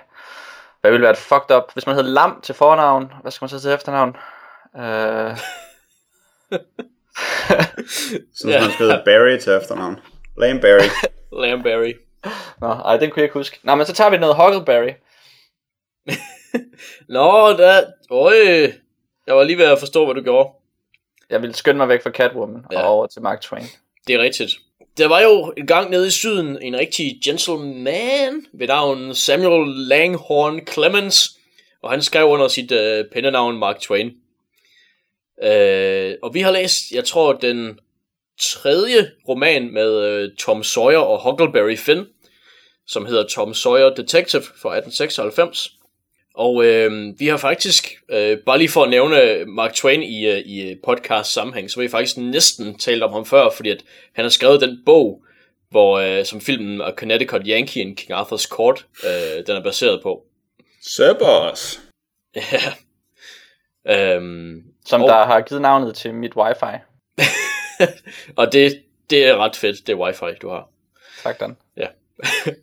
øhm, men Tom Sawyer og Huckleberry Finn, de er sådan to unge drenge på en 12-13 år, tror jeg, som, øh, som er nogle øh, unge lømler, men som også kan finde ud af alt muligt, eller Tom Sawyer kan i hvert fald finde ud af alt muligt. Øhm, han bor hos sin tante Polly, men øh, så øh, tante Sally har jo problemer lige pludselig, fordi, øh, fordi hendes mand, onkel Silas, øh, han, er, øh, han er i knibe, fordi at øh, deres, øh, deres datter altså øh, Sawyers kusine, Benny, som er gået for, at der er en forkortelse af et eller andet navn, der rent faktisk er noget andet end Benny. Men Benzedrine. Benzedrine. Men øh, Benny har, øh, eller hele familien der, har jo sagt nej til, at øh, sure gamle Brace Dunlap vil giftes øh, med, med Benny. Det, det skal, ja, han er jo gammel, han er jo 36 eller sådan noget. Puha, det skal han ikke. Øhm, men så er han, han er så den rigeste mand i området, så han set sig sur på den familie. Og selv med onkel Silas' øhm, fantastiske håndsudrækning, hvor han ansætter Jupiter Dunlap, hans øh, idiotbror på hans gård til at hjælpe ham. Så det er bare blevet værre, fordi Jupiter han er så øh, fuldstændig elendig til alting, at øh, onkel Silas, den rare mand, han simpelthen bliver, øh, han bliver så frustreret, at han råber af ham. Og det duer jo ikke, når han er præsten. Så må ikke, at Tom Sawyer og, øh, og Huckleberry Finn de lige kan komme ned og hjælpe med det. Og det kan de så godt. Um, de, tager, øh, de tager ned på, øh, jeg kan ikke huske, hvilken hvad byen hedder, men de tager ned for at hjælpe. Pikesville. Pikesville. Ligesom, uh, Bourbon. Åh, oh, ja, ja. Uh, på vejen så møder de så den, den uh, long lost uh, Dunlap bror uh, Jake, som er også er diamanttyv, og uh, som beslutter sig for at vende tilbage i, i forklædning, fordi at han har stjålet nogle du, uh, diamanter, og uh, dem han har stjålet dem sammen med, de er efter ham for at dræbe ham. Og øhm, han har så sådan en fantastisk idé om, at han bare, jamen, han klipper bare sit hår og så sådan en forklædning på, og leger dum, øh, støv, dumstøv, hvad hedder det, støvdum? Stumdøv, døvstum. Ja, Døvstum. fj- fjerde forsøg, det er okay. det er okay. Um, og øh, så tager han også afsted til byen der. Men de rejser så ikke sammen. Øhm, og øh, tragedien rammer så, når de når frem, fordi der er Jupiter Dunlap, han er simpelthen han er væk øh, den her good for nothing øh, farmhand, som onkel Silas har. Og de er så bekymrede, øh, og Silas han sidder især og vrider sig i hænderne, og så viser det sig så, at øh, Jupiter er død, og onkel Silas bliver beskyldt for at have dræbt ham. Og hvad værre er, onkel Silas tilstår det. Fordi han var simpelthen så irriterende, at onkel Silas var nødt til at slå ham i hovedet med en kæp for at få ham til at klappe i. og, øh, og så faldt han op, men så stak han også lidt af, Øh, men så er onkel Silas sikker på, at han så løb ud i skoven og døde af sine sår. så det er så tragisk, så tragisk.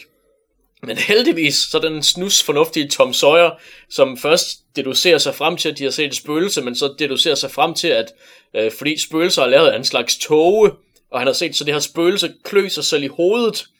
Og toge kan jo ikke klø, så det kan jo ikke være et spøgelse alligevel. Han finder så ud af, at der er sket en, øh, en stor forveksling. Og der modsiger han jo sig selv Ja. til sidst. Ja, det er meget rigtigt. Det er rigtigt. Fordi lige Men... præcis det der med vaner og klø og gøre ting med sit ansigt, det bliver jo så et, øh, et plotpunkt. Det bliver lidt af et plot twist. Ja. Øhm, men nu har jeg vist også givet en rimelig lang øh, introduktion til den, faktisk. Så man sige, det er jo også en hel roman. Ja, ja. ja, Eller i hvert fald en lille roman. en lille roman i hvert fald, tror jeg. Øhm, men den, øh, ja, den foregår jo i, i omkring 1840'erne, så det er jo ikke, øh, der går ikke længe, før at man støder på ordet nigger i den. Men det er vel øh, sådan generelt for Huckleberry Finn.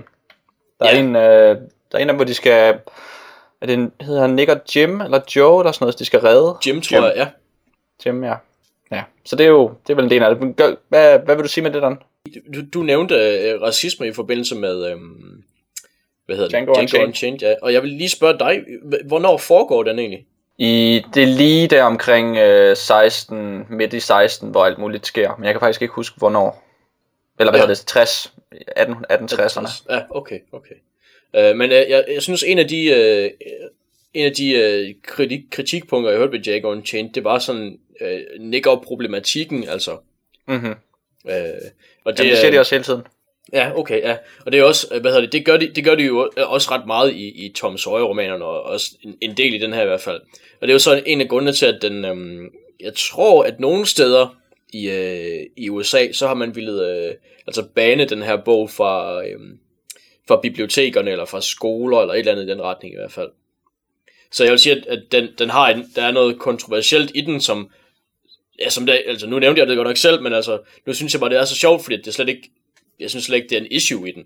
Og men der er jo heller ikke noget i vejen med ordet nækker. Problemet er jo, at måden, som, som det kommer til at optræde på i en historie, hvor alle folk er beskrevet sådan ved navn og med detaljer og så videre. Og så snart der kommer en, som er en slave, så er det bare øh, en nigger kom ind ad døren. Og det er ikke noget med, om det var naboens, eller deres egen, eller en eller anden person, eller en med nogle karaktertræk, eller noget som helst. Det var Mm. bare en nigger. Ja. Og det er jo det, det, er jo det som, som gør det, altså som, som, som giver det bid, og som, som ligesom viser, hvordan, øh, altså, hvordan, den rolle og de, og de problemer der er, og det som, som man kan sige, ville, hvis man var bange for, at folk ville kunne øh, kan man sige, samle sådan nogle ting op og misforstå det, og så tænke mindre om folk, Ja. så ville Ja. man også være kritisk over for den form for litteratur. Ja. Det, Fordi det er da noget, man lægger mærke til, når man læser den. Eller hvad, hvad, hvad siger du, Jack? Jamen, jeg lagde også mærke til det. Og tænkte meget det samme, øh, hvor jeg sådan... Altså, hver gang jeg stødte på det, det er selvfølgelig... Man støder meget på det, når man støder på det nu om dagen. Og så tænkte jeg lidt over, hvordan jeg egentlig synes fremstillingen var. Og jeg synes også, den var rimelig nedladende. Ja. Som du siger med, at de bliver meget anonyme. Og det er meget en gruppe af niggers, der bevæger sig rundt. Man ved ikke helt, om der er forskel på dem. Er det for eksempel den samme nigger, som øh, de nogle gange taler om, stjæler majs? Ja, lige præcis. Han, var, han var en mærkelig person, ham der... Øh, den nigger stealing Ja, lige, altså man har som læser, har man jo ikke rigtig nogen muligheder for at forestille sig noget der. Eller man bliver i hvert fald tvunget til at forestille sig en eller anden form for stereotyp. Altså en eller anden øh, ja, racestereotyp, som er meget lidt beskrevet. Og det er meget sådan uh, selvfølgeligt, at der er en nigger, der går og stjæler korn. Det er så også, ja. Men, men det er jo også to, det er jo også to skurkagtige slyngler, der går og hvad hedder det, forestiller sig, at der er en, der har gjort det. Jamen, det, Tom og uh, Huck, de siger det der også. Skal de ikke? det? Der, da de ligger og ser det hele i starten, der synes jeg også, de snakker om en... Uh, Ja, og deres beskrivelse, Den og der, deres krogen. beskrivelse er lige præcis den samme som de to skurkagtige typer. Den ene hedder Lam. Nej, det er ham, ja. er det lame beep? Eller sådan det lyder rigtigt. Eller, eller Ja. Bibi eller sådan noget. Det skal nok passe. Ja, Sjov ham. navn. Ja, men det, det er jo lidt sjovt, fordi i den første Tom Sawyer-bog, hvor der så er den her øh, gut, de befrier, altså den tidligere slave, eller en, en, der bliver forvekslet med at være en slave, men han er i virkeligheden en fri mand, eller et eller andet, der, der er han jo så øh, fremstillet som en positiv person. Øh, så det er sjovt, at det er den her, at det er sådan, ja, det, det synes at skifte ret meget frem og tilbage, altså, med, øh, med fremstillingen af sorte på den måde i øh, Men den her, det, den foregår i, hvornår var du sagde, den foregik? 1840'erne, Men den er udgivet i 80'erne, ikke? i, var det 76 eller sådan noget? Okay. Øh, nej, undskyld, det er den første, der er udgivet i, fest, i 76. Den her, den er vist... Den, det kan godt være, den er i 86, ja. Øh, ja, og det, er- det er jo også, det er sandt nok, det er lige der omkring, at, at ordet begynder at blive nedsættende, i stedet for, at det er bare en... Øh, ja, det er bare en beskrivelse, eller hvad man skal sige, eller hvad man skal kalde det. Ja, men det, man siger, det er selvfølgelig i det, og det skal man også forholde sig til, og det er vel også, altså det er jo hmm, et eller andet. Det er svært at sige, hvad det helt præcis gør, Ja. men, men man får måske lidt antipati over for Mark Twain, eller øh, muligvis. Jeg er ikke helt sikker på, hvad det helt præcis gør ved mig. Jeg ved bare, at det, at det tager mig lidt ud af historien, måske. Dan, har du læst historien om Jim? Øh, nej, jeg, jeg har set en eller anden gengivelse af den, øh, hvor, altså en, en ja, altså fra, fra senere tidspunkt selvfølgelig, hvor øh, han så ikke var nigger Jim, men hvor han, hvor han nok bare var Jim. Fordi jeg er jo øh, sådan i mit, hvad skal man sige, kyniske og mistroiske hjerte, så kan jeg godt lidt have Mark Twain mistænkt for heller ikke at fremstille ham særlig positivt i historien om Jim. Og at, man, og at det måske kan blive brugt lidt apologetisk af Mark Twain-fans. Ja. Altså, nå, men han har jo skrevet en historie, hvor der var en nære, der var flink nok, så han kan ikke være racist. Ja. Og den køber jeg måske ikke, men det er selvfølgelig også øh, bare grimme mistanker fra min side, fordi jeg ikke har læst særlig meget Mark Twain. Jeg synes, at der er den øh, vibe i den her. Afhængig af, hvordan man læser det, så er det rimelig ligegyldigt, om forfatteren er racist. Ja, Altså, Ja. det, kan man jo, det kan sagtens være ligegyldigt. Um, det er selvfølgelig en forudsætning, hvis man skal sige et eller andet med det, eller bruge Ja. det i en festtale, eller et eller andet.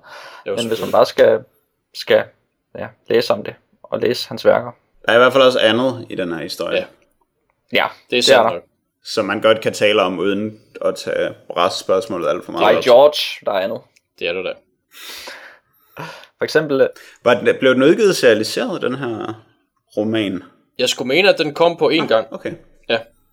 Den virkede meget serialiseret for mig, synes jeg. den er i 11 kapitler, ikke? Deromkring. hvor et, det sidste kapitel er rimelig langt, men ellers så er de sådan forholdsvis samme længde.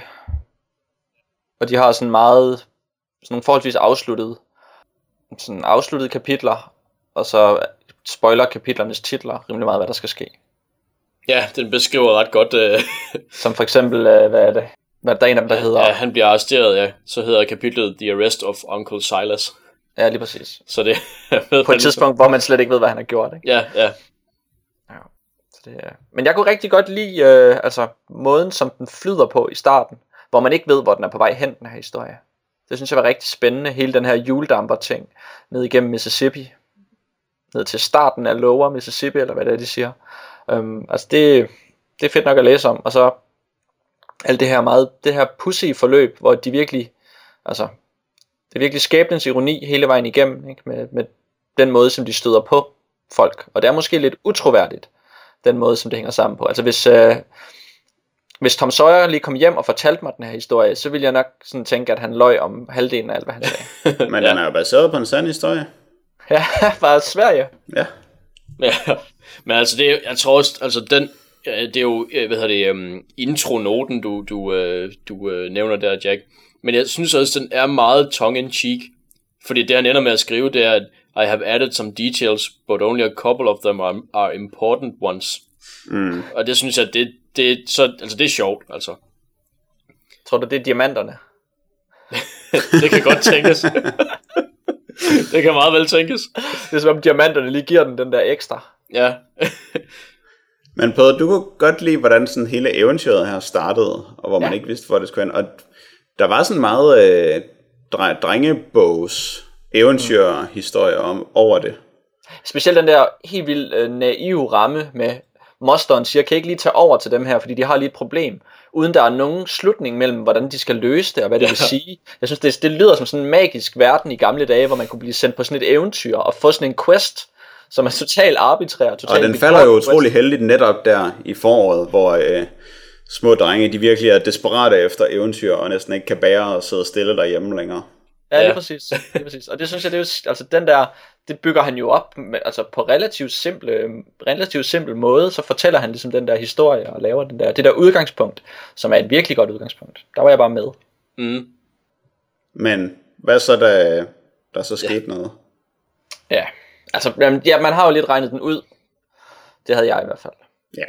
Fordi der er ikke så mange øh, nøgler, og der er sådan en rimelig oplagt tvillingebror forveksling, Ja. som der ligesom kun kan gå en vej, nemlig at det ikke er den, man tror, men den anden, og så er det det. Og når man, altså det kan man jo regne ud på et splitsekund, og så er det det, der sker. Og så, for, og så redegør den ikke engang for nogle af de åbne spørgsmål. Fordi at, at onklen, han øh, tilstår jo, at han har begravet livet. Det var fordi, ja. han går i søvne. Han tror, han gjorde det, mens han gik i søvne. Jamen han ved jo, så ved, han ved jo ikke, altså han, altså, hvordan kan man Nej, men sådan, du ved, sådan nogle vidneforklaringer. Der, hvis man bare fortæller nogen en historie tit nok, så begynder de selv at kunne huske det. Jamen, det er rigtigt nok. Det er nok. Det kunne ske, men det, det er man lidt nødt til at uddybe, ikke? Eller Og det vi får også at vide, at han er blevet tosset. Ja, det er rigtigt. Ja. Og så at han lige til sidst, for at få en lykkelig sløjfe på det hele, at bliver øh, rask, mentalt rask til sidst, og holder gode taler. Ja, men det er også, altså, det er rigtigt nok, den er sådan meget, øh, den har sådan meget øhm, øh, snusfornuftig tilgang til mange ting. Øhm, men jeg synes også nogle gange, at så, så gør den også lidt nar af, af den snusfornuft.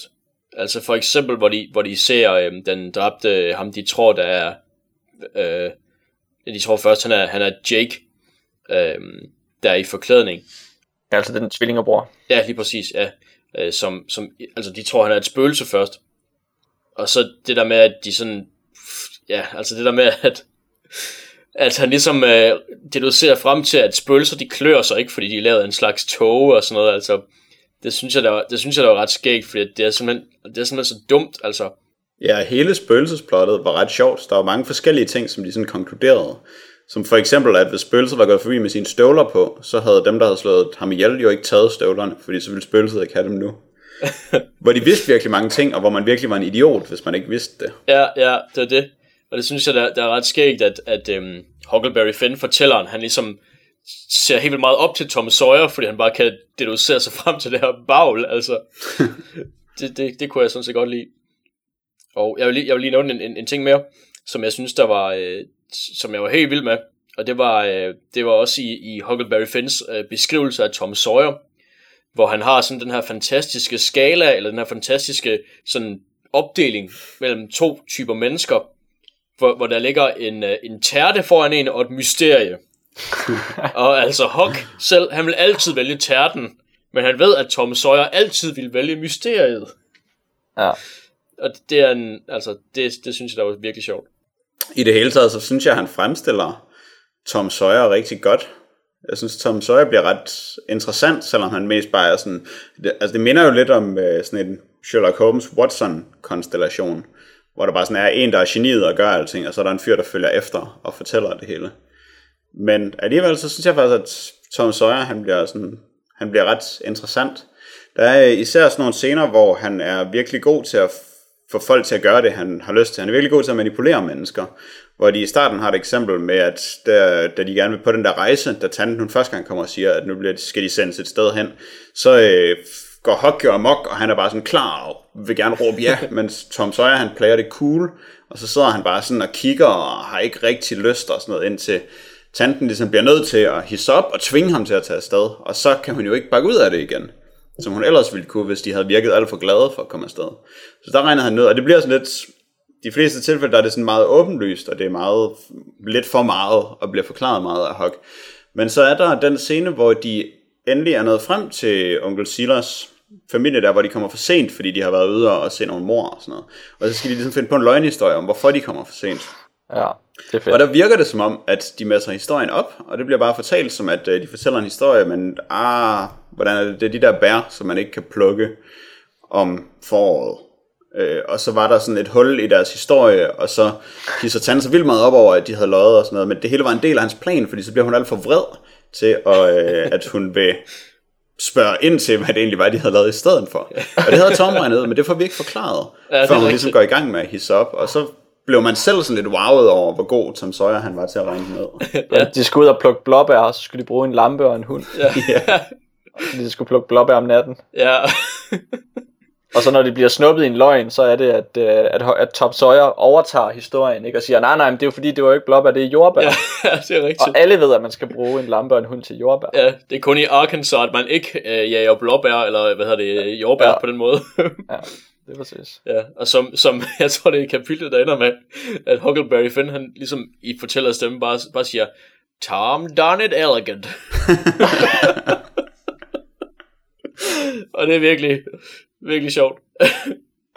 Ja. Det, det, jeg kan nemlig rigtig godt lide, jeg er helt enig med det, du siger der, Jack, med den måde, som, øh, som Huck han taler om Tom på. Det er, det er, alt, det er rigtig, rigtig fedt at læse. Og Mhm. det, specielt den der, øh, den der øh, retssagsscene, hvor at, at Tom Sawyer, han ligesom skal, øh, han skal forklare alle, hvad der er sket i den der typiske detektivkrimi øh, måde. Sådan, at alle er samlet, og, øh, og, øh, Mhm. mm-hmm. øh, og masterminden, Sherlock Holmes, eller øh, en eller anden, skal fortælle os, hvad der er sket. Um, og så begynder han at fortælle det, og så, og så kan Huckleberry Finn, han kan ligesom gennemskue alle de her retoriske knep, som Tom Sawyer bruger for at gøre sig selv mere interessant. Um, der for eksempel der, hvor Tom, han lader som om, at han ikke lige kan huske, hvad det er med, med det der med støvlerne, eller en eller anden detalje. Og, Ja. ja. så, og så lægger Huckleberry Finn mærke til de der detaljer der, og siger, nu ved han godt, at han lyver. Um, og det synes jeg, det virker skide godt. Det kan jeg godt lide. Det er rigtigt. Tom Sawyer virker faktisk virkelig sej. Mm. Men det er sjovt med sproget i den her historie, synes jeg. Der, kan, kan du fortælle noget om det der, den mærkelige, mærkelige måde, Mark Twain han skriver på? Jamen altså, han er jo han er jo en af de, ja det er jo meget, rigtig meget sådan noget talesprog på en eller anden måde. Øhm, og det er, øh, Mark Twain han er en af de første øh, i Amerika, og jeg tror sådan engelsk sprog generelt, der, der skriver altså colloquial, colloquialisms, altså de her lokale udtryk, som, som der jo ikke er overhovedet korrekt, eller som nogle gange, man måske ikke helt fatter, hvad pokker der står, hvis man ikke man kommer fra området. Men altså, det er altså at skrive dialekt. Ja, Er det ikke det, lige man præcis. dansk? Ja. Jo, det vil man nok sige. Uh, han, han er en af de første, der skriver på den her måde, og det, uh, det låner jo virkelig til nogle rigtig skægge formuleringer, og det er, um, ja, jeg synes i hvert fald, der er meget, uh, der, der er meget af det, jeg sad og, og uh, choklede lidt af. Ja, må jeg komme med et eksempel, som jeg synes, som, som jeg lå meget af, da jeg læste Det det? synes jeg, at du skal, ja. Øh, men de står og diskuterer om, hvad de skal gøre. Og så siger øh, Huck Finn, anyway you'd rather have it, that's the way I'd rather have it.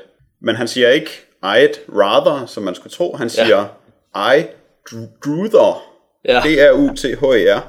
Og, og det er sådan, okay, det er fair nok, altså det, sådan lyder det, når man siger det, men så siger øh, Tom Sawyer tilbage, there ain't any druthers about it.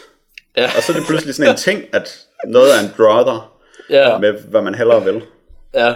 Og der kørte det helt af sporet. Det synes jeg var sjovt. Det er rigtig sjovt. Og det, jeg, i starten også, øh, eller ret tidligt, øh, hvor de øh, for første gang beskriver ham, øh, Jake Dunlap, ham der diamantbroren, diamanttyvbroren, der for, forklarer de også, at han, altså han blev en, en tyv, eller han blev involveret i røveri og sådan noget, med den sætning, det bare var, he got to Robin. Ja. jeg synes også bare, der er virkelig utrolig herlig bundsk. Poetisk. Ja, det er det. Hvad hedder det? Det modsatte af forsvaret. Angrebs. Anklageren. at han er the lawyer for the prostitution. ja, ja. Den stoppede jeg. Den sad jeg lige og kiggede sådan på et ekstra par gange. Sådan, hvad, hvad sker der her? ja. Og det gør det til et ret sjovt sprog. Det skaber meget stemning. Det gør den. Ja. Og det er faktisk, nu, det- nu, øh, nu tænkte jeg altså den her tanke, inden jeg læste wiki-artiklen. Men jeg havde virkelig en Sten Stensen Blikker fornemmelse, øhm, da jeg læste det her. Ja. Øhm, I forbindelse med selvfølgelig det her, at de taler dialekt, men også måden, som, som, som meget af dramaet er sat op på, på den der måde, hvor det ikke sådan, der er lidt et drama, men det er alligevel ikke helt et drama. Øhm, Ja. Og der, der tænkte jeg bare tilbage på, øh, ja, på, på sådan noget Sten Stensen Blikker drama. Og så viser det sig jo så, at, at øh, Mark Twain han blev beskyldt i, var det i 1908 eller sådan noget, af en eller anden dansker, for at have, øh, at have plagieret, øh, hvad hedder den, øh, den der præst. Øh, Præsten i Vejlby. så det synes jeg var et, et ret fedt tilfælde. Ja, det er ret skægt. Ja. På en eller anden måde, så skulle vi have, have afsluttet den her snak om Tom Sawyer Detective med at sige snusfornuft. Men det lykkedes aldrig. Ej, det var en skam. Ja. Så, men apropos snus, Apropos. så hedder det jo snuff på engelsk, og det har man i en snuffbox. Og snuffbox, det er en, øh, et øh, britisk øh, dark comedy sketch show, øh, øh, produceret af Matt Berry med bæret, og øh, Rich Fulcher øh, udbæret. Det er en, øh, en øh, britisk tv-serie på, på en sæson af seks, seks afsnit, der udkom i februar til april 2006 på BBC 3, som er BBC's ungdomskanal.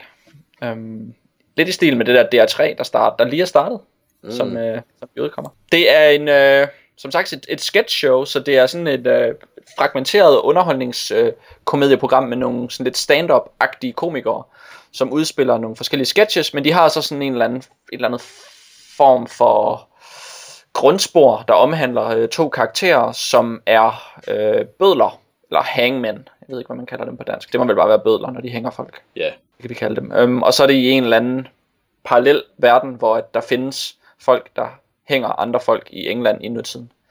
Øhm, så det er sådan en, øh, en eller anden alternativ virkelighed, det foregår i, øhm, hvor de så ja, starter hver afsnit med lige at gå ind og hænge en, og så ligesom introducerer den der galgehumor, som de jo nok ensat har tænkt på, når de har fundet på øhm, det her format med, at de skal starte med at henrette en, og så også Snuffbox, som måske spiller på nogle forskellige ting, men hvor Snuff off også betyder at dø, vel? Ja. Og Snuff også har et eller andet, øh, sådan, hvad kan man kalde det, uhumsk, seksuelt, et eller andet øh, galgehumor-agtigt over sig. I hvert fald at bruge døden på en anden måde, end, end den måde, den skal bruges på. øhm, som de så også godt kan lide ved at gøre grin med den, øhm, hvilket de egentlig ikke så meget gør, men de gør det i hvert fald i starten, og så også det, at de banner ekstremt meget. Så det, og så Snuffbox, som måske også lidt af fjernsynet, som er en boks. Alle de der ting. øhm, ja, det er, det er Snuffbox, og det er meningen, at man skal sidde og kigge på det, og så skal man grine. Hvordan gik det? Jeg grinede indimellem. Eller der var, altså, der var faktisk bare sådan et bestemt punkt i hvert afsnit, hvor jeg sådan grinede højt. Og så resten af tiden, så sad jeg mest bare sådan lidt og smilede og nåede, at de talte britisk. Og det er da meget godt. Hvad med dig, Dan? Altså, ja, det havde også øhm, blandede resultater med mig. Og jeg tror også, at stemmerne gjorde en del for mig. Øhm, både, jeg synes både Matthew Berry, han har sådan meget, jeg ved ikke, meget britisk stemme på en eller anden måde. Og Fulcher, som er amerikaner, han har en meget amerikansk, virkelig whiny stemme. Og nogle gange så, med de, med de rigtige replikker, så synes jeg, at deres stemmer var rigtig sjove. Og, og andre gange så, øhm, så var det som om, de måske prøvede lidt, lidt meget i nogle af de her sketches på, på et eller andet, som man måske ikke helt vidste. Øhm, altså, så var der en, så var, var, var det måske en eller anden sketch, hvor der er en eller anden, der kommer helt vildt meget til skade, og så sidder der sådan helt vildt mange folk og, øh, og griner, fordi at der er en eller anden, der kommer helt meget til skade, eller dør, eller et eller andet, og bløder helt vildt. Og der, nogle gange så tænkte jeg så der, at Nå, okay, der er en, der dør, og de sidder og griner godt, så er det som om, at så, så har de nok i sig selv, så behøver jeg ikke at se på det, fordi de har ligesom, de har ligesom alle rollerne på plads, eller hvad. Så den del var ikke god. Øhm, nej, altså jeg synes mest, jeg synes mest, at der var nogle, øhm, nogle situationer nogle gange, hvor de så kom med nogle replikker, hvor det, hvor det så blev, øh, hvor det så blev pokker sjovt. Øhm, der er, hvad hedder det, øhm, øh, ham her Fulcher, han har øh, i nogle af afsnittene, så har han en, en der spiller, altså han, han spiller også en anden rolle, som er sådan en øh, rådgiver til ham, eller et eller andet, der så aldrig giver ham god råd, og så ender det så altid med, at øh, Fulcher sidder med et eller andet mad, som, som ham her rådgiveren, han så gerne vil have. Der er en eller anden sted, hvor de, øh, på et eller andet tidspunkt, hvor de sidder i en bil, hvor øh, Fulcher har fulgt en pige hjem, så bliver hun så overfaldet, og så sidder han bare sådan og vinker til hende, mens hun bliver overfaldet, fordi han ikke, han, han har ikke forstået, at man skal hjælpe hende eller sådan noget. Og så kommer rådgiveren så og siger, at det du gjorde forkert her, det var sådan og sådan og sådan. Og så slog han så med at sige i hans utrolig whiny stemme, Is that pate? og, så, og så siger han til sig selv, altså, knock yourself out. Og så, øh, så sidder han så og går for det der paté i sig, mens han bare siger, Nom City! og, og der er sådan nogle, der er sådan nogle udtryk, de nogle gange... Men jeg er ked af at sige det, men det er meget sjovere, når du gør det. er det det? ja. Meget sjovere.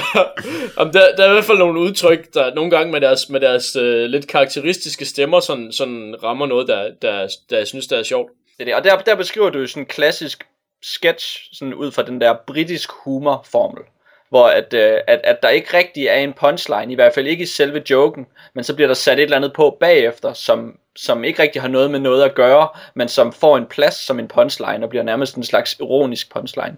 Fordi hele det der setup med, at der sidder en mand, som der skal følge en dame ind, men, ind til døren, men så lader han være med at gøre det, og så går hun ind, men så bliver hun overfaldet, men så er hun god til at slås, men der er ikke rigtig en punchline i det, det er bare sådan, at der bare er nogle ting, der er anderledes. Der sker og så kommer der, og så kan man, og så bliver det yderligere anderledes af, at der kommer en eller anden ind fra siden, og så har de en uh, usammenhængende samtale, som slutter med en, der bare siger noget lidt sjovt. Ja.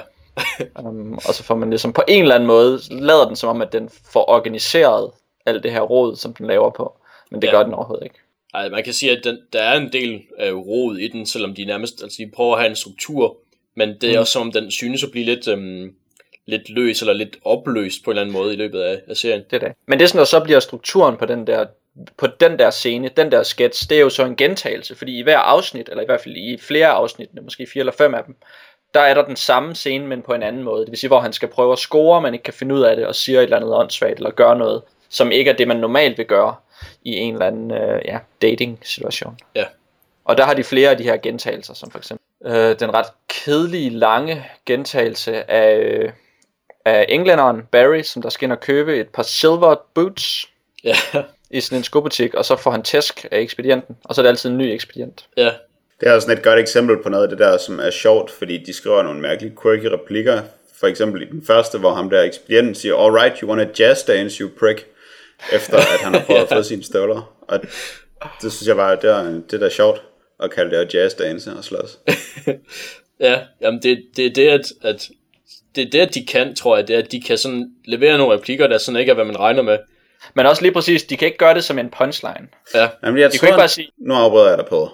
Fordi jeg tror ikke, at de prøver på... Altså, de ved godt, at de ikke laver punchlines. Og, og det er ikke sådan en del af det, de gør. Uh, nu har jeg også set det show, de lavede tidligere, som der var en del flere afsnit af, som hedder The Mighty Bush, som uh, var sådan... Altså, det var rent dadaistisk lallen rundt på tv med noget, som ikke mindede om struktur, eller historiefortælling, eller punchlines, eller setups til noget.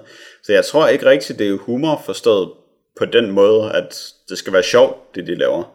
Jeg tror mere, det er sådan en øh, noget drømmende fjolleri-agtigt noget, som jeg også må indrømme, at jeg er ikke helt sikker på, hvordan jeg skal modtage det, men når jeg engang imellem sådan lige får mig tunet ind på bare at nyde, at det, er, at det er underligt, og ikke forventer, at det skal være sjovt, og ikke forventer, at det skal fortælle noget, så synes jeg også godt, at det kan blive sådan lidt interessant på sådan en øh, videokunst abstrakt måde. Jamen, det kan jeg godt se. Men jeg synes også, der er noget ironi i, i anti... Øh, øh, altså den dårlige udførte øh, punchline, som de jo har masser af. Eller hvor de sådan overdriver receptionen af en punchline med sådan et, en falsk dåselatter, og værterne, der pludselig går helt amok Ja. i sådan et eller andet... Øh, ja, en, en eller anden grimasse, eller måske de selv griner med. Øhm, og sådan manisk griner af deres egen vits eller et eller andet. Altså hvor de ligesom siger, nu, nu, nu laver jeg en punchline, og jeg ved godt, jeg ikke kan lave en punchline, men så gør jeg grin med, at jeg ikke kan lave en punchline. Jamen, det er rigtigt. Der kommer nogle gange sådan noget, sådan noget på. Øhm, Som, som er sådan me- meget i kontrast til nogle af de andre sketches, for eksempel deres sådan meget overproducerede øh, musical sketches, som jo bare sådan er klassisk musical jokes. det er rigtigt. Men som ikke er jokes. Ja, lige præcis. Ja, altså, der er sådan noget rapping with a baby, og så har de en baby, og så rapper de. Ah ja, dem der. Jeg tænkte på alle de gange, hvor de gerne vil synge deres intro-sang. Det vælger de godt nok tit. Og outro-sang, ikke? ja. Ja. Og den er jo ikke sjov. De synes selv, den er ret god, tror jeg. Den er jo et med i Dread. Nå, Wow. det er ret spændende, faktisk. Ja. Ja, vildt. Øh, der er lige en øh, lille aside. Ja, Det må jeg okay. nok sige. Ja. Den, tager vi, den samler vi ikke op. Nej. Øhm, ja, det er rigtigt, at den, den, den tager de meget fat i, og det er også, der bliver det meget, der, får- der får showet, ja, den starter med den, og tit så slutter det også med den, måske altid endda. Og der bliver det som, om, at der, der kommer en eller anden traditionel, et eller andet mere traditionelt ind, og, og det, det står selvfølgelig i, i kontrast til nogle af de her meget, altså de her anti-jokes, de nogle gange har. Og nogle gange så synes jeg, det så virker ret godt, og andre gange så, det ved jeg ikke, så er det som om, at så bliver det bare meget, øhm, ja, meget ustruktureret, som om det bare er, er to forskellige øhm, øh, retninger, eller to forskellige øh, ønsker, de har, eller hvad man skal sige. Ja, man kan sige, altså en af de fornemmelser, jeg nogle gange har, det er, at det virker lidt som, at de prøver at lave en vits til alle, eller i hvert fald til mange, med de her forskellige, meget forskellige sketches, mm-hmm. um, som virker. Altså det kan være, at de bare er fuldstændig ligeglade med alt, og så bare hver dag går på arbejde, og så laver en den joke, de lige har lyst til. Det kunne godt være, for det, Det det kunne man også få det samme resultat med. Ja. um, men det kan også være, at de har en eller anden redaktionel linje, hvor de siger, nu skal vi lige lave en vits til, til det segment, og det segment, og det Ja. segment. Og så prøver de. Der er dem, der godt kan lide tæsk, og dem, der godt kan lide musical. Og dem, der godt kan lide uh, sjove sætninger. Jamen, det kan godt tænkes, at, øh, at det er noget i den retning. Det, det, altså den idé om, at de har sådan en virkelig fint følende idé om, hvem deres målgrupper er, og så laver de jokes præcis til dem.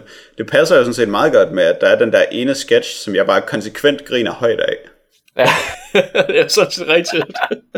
og som der gør, du kommer tilbage til hver afsnit. Ja, nej, men- ja, men det gør jeg sådan set lige så meget, altså fordi der er det der hyggelige i det og sådan noget, men der er bare sådan, det er bare sjovt.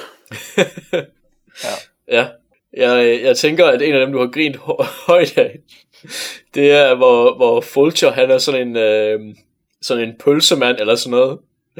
Og så, Okay, det er så den, hvordan han er målgruppen. Fordi nej, det er overhovedet ikke den. Jeg griner ikke af Fulcher, jeg synes ikke, han er sjov. okay, jeg synes nogle gange, han er sjov. Men hvor han så...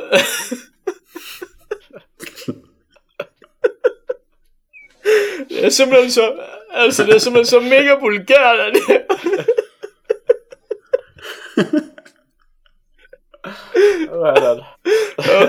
Øh, ja, det er svært at være med at grine af. Det er den perfekte måde at tale om et, en komedieserie, der ikke er sjov på det her. Ja.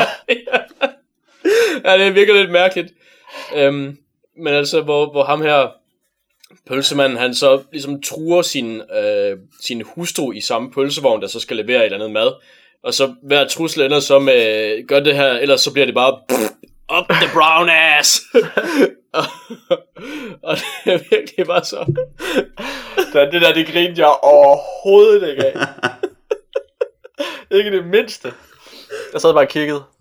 ja, ja, jamen det er også, øhm, jeg ved ikke, det er også, det er bare, den, den stemmeføring, han har, når han siger det, det synes jeg bare, der er virkelig sjovt, fordi at det, det kunne meget vel, altså, det kunne meget vel ikke være sjovt, og det er ikke sjovt, når man genfortæller det rigtigt, men, men jeg ved ikke, jeg synes bare, at det er simpelthen så overdrevet vulgært.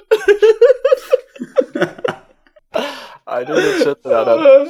Den skal du have for dig selv. Den behøver vi ikke gå ind i. Nej, det er okay. Men der, men der er jo så den anden ting, som den måske også slår lidt an, og det er jo så deres vulgaritet og deres banden, ikke? som de virkelig bruger øh, rigtig meget. Um, altså som om, at, hvad er det, han hele tiden, øh, amerikaneren, hele tiden, øh, ham der er også sådan lidt af den dumme af dem, ikke? hvor man kan sige, at englænderen er, er lidt mere sådan fraværende. Um, så er amerikaneren den dumme, og den sådan lidt, altså der er sådan måske lidt amerikansk stereotyp, men han er sådan lidt vulgær og lidt larmende og sådan noget. Så han siger hele tiden, I got a piss, i stedet for I got a pee, eller et eller andet, sådan lidt mindre, lidt mindre kraftigt. Så skal han hele tiden piss, det skal han måske sådan to gange i hver afsnit. Og så siger de hele tiden, hvad er det, we are in the shit, og sådan noget. Ja. Og, ja, ass dick, og sådan noget. Ja, og når, når noget er let, så er det a piece of piss. Ja, a piece of piss. Hvilket også virker lidt, også rimelig vulgært egentlig. Og det er sådan meget konsekvent ass, dick, shit, piss, som de bare sådan putter ind alle steder. der, er jo, der er jo den sang, de har, som kun nærmest øh, består af de ord, Ja, hvor, øh, ja, hvor, hvor jeg så øh, bed mig lidt fast i, at, eller det, det, ja, det, det, så sangen er byttet op sådan, at det er sådan en øh, Fulcher klædt ud som sådan en brite, der siger fuck hele tiden, og så ender afsnittet som, at han sætter sig på sådan en bænk og siger sådan fuck løbende, så kommer der en kvinde og sætter sig og siger shit, og så bygger de sådan ligesom mere op, og så er der så en, en anden gut, der kommer og siger horse piss, hvilket jeg synes, synes øhm, ja, det ved jeg ikke, det, det virkede også bare overdrevet at kalde noget for horse piss. Øh, så lige, lige den replik i, i det segment var sjovt for mig. men den mindede meget om den der Monty Python sketch, med de der, øh, der er en, der hele tiden siger sådan nogle ting. Ja, det er nok rigtigt. Men apropos vulgariteten, så var der øh, et, nogle sjove indslag i de to første afsnit, øh, hvor der er noget, som er for frygteligt til at kunne blive beskrevet. beskrevet. Hvor der er det første afsnit, der har øh, Fulcher virkelig sådan mareridt over et eller andet, der skete på et bordel, som, som Barry gjorde natten før. Oh, Og så skal han øh, fortælle Barrys forfædre fra 1800-tallet om det på et tidspunkt, og så øh, begynder han sådan helt at svede, og hans overskæg er ved at falde af, og han øh, sidder og ryster, og der kommer sådan noget mærkeligt musik, så man ikke kan høre, hvad det er, han siger. Man kan se sådan nogle øh, fakter og enkelte ord indimellem, og så er det bare et eller andet, der er for ubegribeligt hæsligt. Og i næste afsnit, der er der noget, hvor de læser i øh, Barrys dagbog, hvor der også er sådan et segment, hvor der bare er noget, der er ubærligt, forfærdeligt, og som han er nødt Ja. til at få slettet fra sin hukommelse. Og det, var, det, det kunne jeg godt lide, sådan som, øh, som den Lovecraft-fan, jeg er vel. Mm. at det var sådan et Ja. godt, hyggeligt indslag. Men det holdt de op med igen. Det er meget fedt, at de prøver at bygge nogle ting op, mm. men altså det er jo ikke fordi, de får særlig meget ud af det, men man kan se, mens de gør det, så bliver man lidt mere interesseret. Fordi jeg vil faktisk gerne have noget sammenhængende historie med de her karakterer, meget hellere end de her sketches. Var der ingen af sketchene, du synes var sjove? Altså jeg kan ikke huske nogen af dem. okay. ja, okay, det, det siger måske det hele. Altså jeg var nødt til, jeg så det hele her i sidste uge, øhm, eller under, det ved jeg ikke, for fem dage siden, seks dage siden så jeg det hele, og jeg var lige nødt til at gense afsnit 1 i dag, for jeg kunne ikke huske noget som helst. Ja, okay. Jeg kunne ikke engang huske de bandede, altså jeg kunne ikke huske, Wow, ja. det var, det var fuldstændig væk fra mig. Hvad med den der måde, han siger whisky på? Ja, det var okay. Og det, det, det er et rigtig godt eksempel på, at jeg synes, det er rigtig sjovt med hans stemme. Eller jeg ved det er sjovt, men det, det er sådan ret fedt, når han siger det. Øh, og, men når andre i serien prøver på at gøre det, så er det slet ikke sjovt. Men der prøver de også at lave en catchphrase, har jeg det lidt som om. Jeg har det lidt hårdt med britiske catchphrases, når man har set extras, og, øh, og, og set altså Rick Gervais tv-serie extras, hvor de virkelig gør grin med, hvor meget catchphrases de bliver, øh, ja, de bliver gennemarbejdet i England, og hvordan de øh, kan være en pinsel. Så det er sådan lidt hårdt, når man ser en, sådan et sketch show prøve at banke en catchphrase fast i folk. Er det rigtigt, så har man en vis modstand over for den. Og så måden, altså bare slut af en, en sketch med en catchphrase.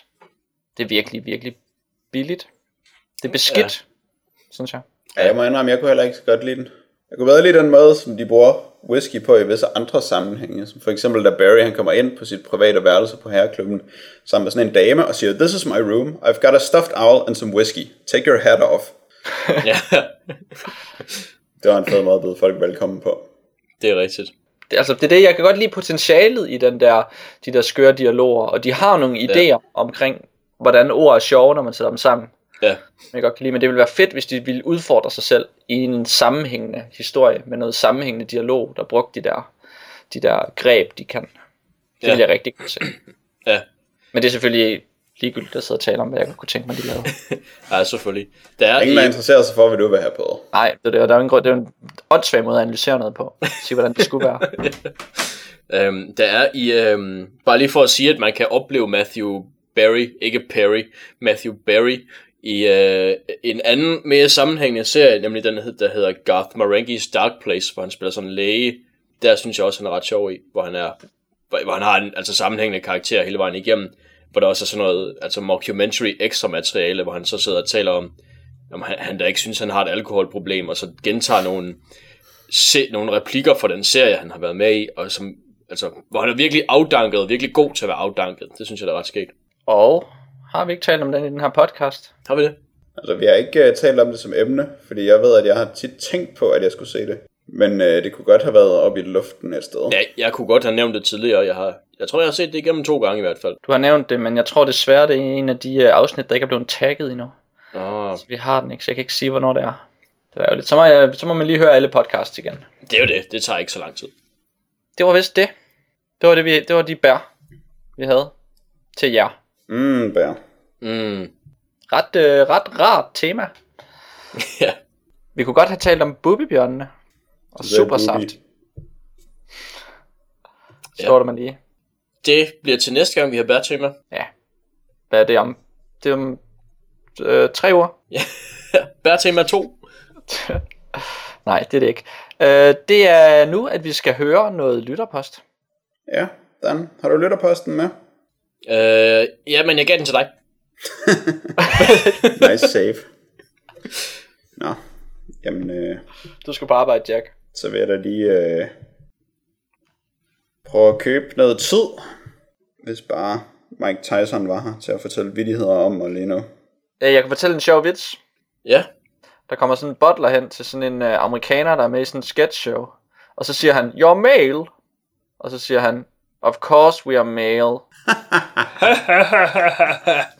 Whisky!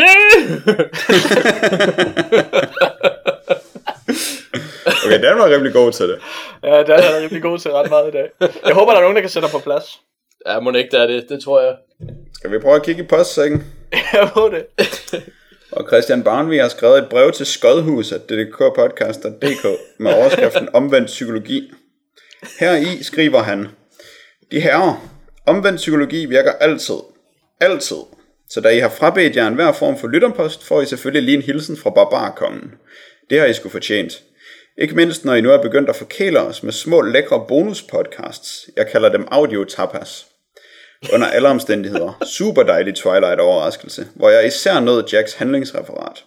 Jeg fik næsten lyst til at se filmen, men så kom jeg i tanke om, at jeg har holdt op med at se film. Pyha. Nå, men I skal jo også have en sviner. I den sidste pod før jul talte I blandt andet om forbrydelsen, og i den forbindelse endte Dan i en livsfarlig duel med det danske sprog. Det skete, da han rettede en voldsom kritik mod en replik, som indeholdt ordet skodhus. Ifølge Dan var det et meget forkert ord at anvende, i det det var alt for mondant. Jeg tjekkede min ordbog, og der, mellem monarkist og monegasker, stod mondan. Og ordet betød det samme, som det altid har gjort. Eksklusiv, luksuriøs, etc. Jeg spekulerede over mysteriet hele julen. Hvad i alverden kunne Dan mene med, at ordet skodhus var mondant? Først et par dage inde i det nye år faldt 25 øren. Der var simpelthen tale om en anglicisme. Dan måtte have troet, at det engelske ord mundane også eksisterer på dansk, hvilket det imidlertid aldrig har gjort. Og nu er det, at jeg retter min harmdirrende pegefinger mod Jack og Wyoming Bob. Hvorfor stoppede I ikke Dan og spurgte, hvad han havde gang i? I skal sgu da hjælpe jeres homie, når han far vild i sproget. Flueknæpperi? Måske. Men jeres eneste produkt er ord, så det er ret vigtigt, at man forstår, hvad I mener. Alt godt for jeres ven, Christian Baunvi. P.S. Jeg har fået HBO, og det holder max, så store anbefalinger herfra. PPS til dig, Jack. Nu har jeg set The Orb of Sod med mine egne øjne, men jeg blev dræbt, før jeg kunne nuppe den. End of postscriptummer. Ja, tak for post. Det er jo, det er jo det er han rimelig god til, det der post her. Ej, det må man sige. Specielt, øh, altså hvad er du gang i, Jack? Øh, det ved jeg ikke, hvad er du gang i, Wyoming Bob? Det ved jeg ikke. altså jeg er i hvert fald skuffet over Dan. Åh, ja. Jamen, det er også, hvad hedder det, alle de gange siden, hvor det bare har været som et ekko i hovedet på mig.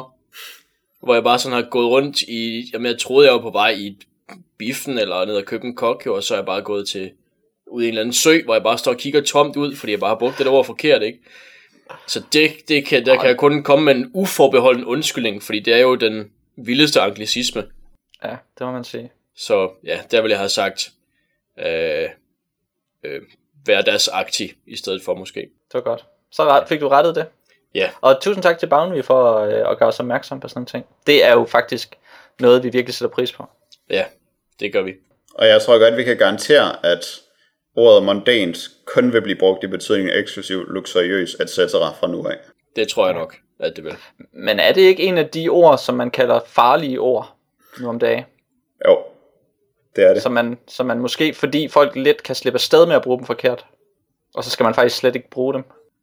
Ah, de farlige ord lyder som de bedste ord at bruge. Altså, Okay. Og jeg slap ikke afsted med at bruge det forkert, kan man sige. Nej, det kan man sige. Men jeg har det som om, der, find, der findes podcast derude, der slipper afsted med det. Gør du det? Ja, det tror jeg. Det er ikke alle, der har øh, sådan nogle vagtsomme lyttere som bare med. Det er nok rigtigt. Der var vi heldige. Ja, det synes jeg. Jeg er i hvert fald ked af det. Ja, ja lidt sørgeligt. Ja, det er hårdt. Nå, men tusind tak for det brev. Øh, op, op og sot. Det er vel, øh, er det, hvor stor en bedrift er det, Jack? På en Det er en skala rimelig fra... stor bedrift. øh, må jeg gætte på, at det var Orb of Fire, der dræbte der Boundary? Det, Der var, det gætter jeg på. Mhm. skal et brev, hvis øh, du har lyst til at belyse det. Vil, vil du mene, Jack, at uh, The Orb of Sword er rimelig mundane, faktisk? Ja, det må man absolut sige. Ah, redeemed. Så er der orden i kosmos. Og så vil jeg da ja. sige til øh, alle de lyttere, som øh, sidder og lytter lige nu, der ikke har skrevet brev, at de kunne jo gøre ligesom Boundary, som jo er et, øh, et klasseksempel på, hvordan man skriver ind til vores podcast. Først og fremmest fordi, at han skriver ind og øh, retter henvendelse omkring et tidligere afsnit. Fordi man behøver nemlig slet ikke at skrive om det afsnit, man lige sidder og lytter til. Man kan sagtens vente så lang tid, som man har lyst til at skrive ind. Mm-hmm. Fordi nogle gange så går der jo lang tid for, at man øh, lige får downloadet den nyeste podcast. Og så er vi måske lidt foran, eller man føler sig lidt bagud, eller hvordan man end ser på det. Men det skal ikke stoppe dig. Du kan altid skrive ind.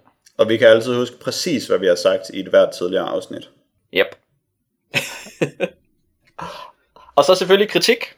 Det er rigtig godt. Og så sådan, når man lige sådan kommer med sådan lidt rosende ord til, til Jacks forresten øh, rigtig fine beskrivelse af øh, Breaking Dawn. Ja, bestemt.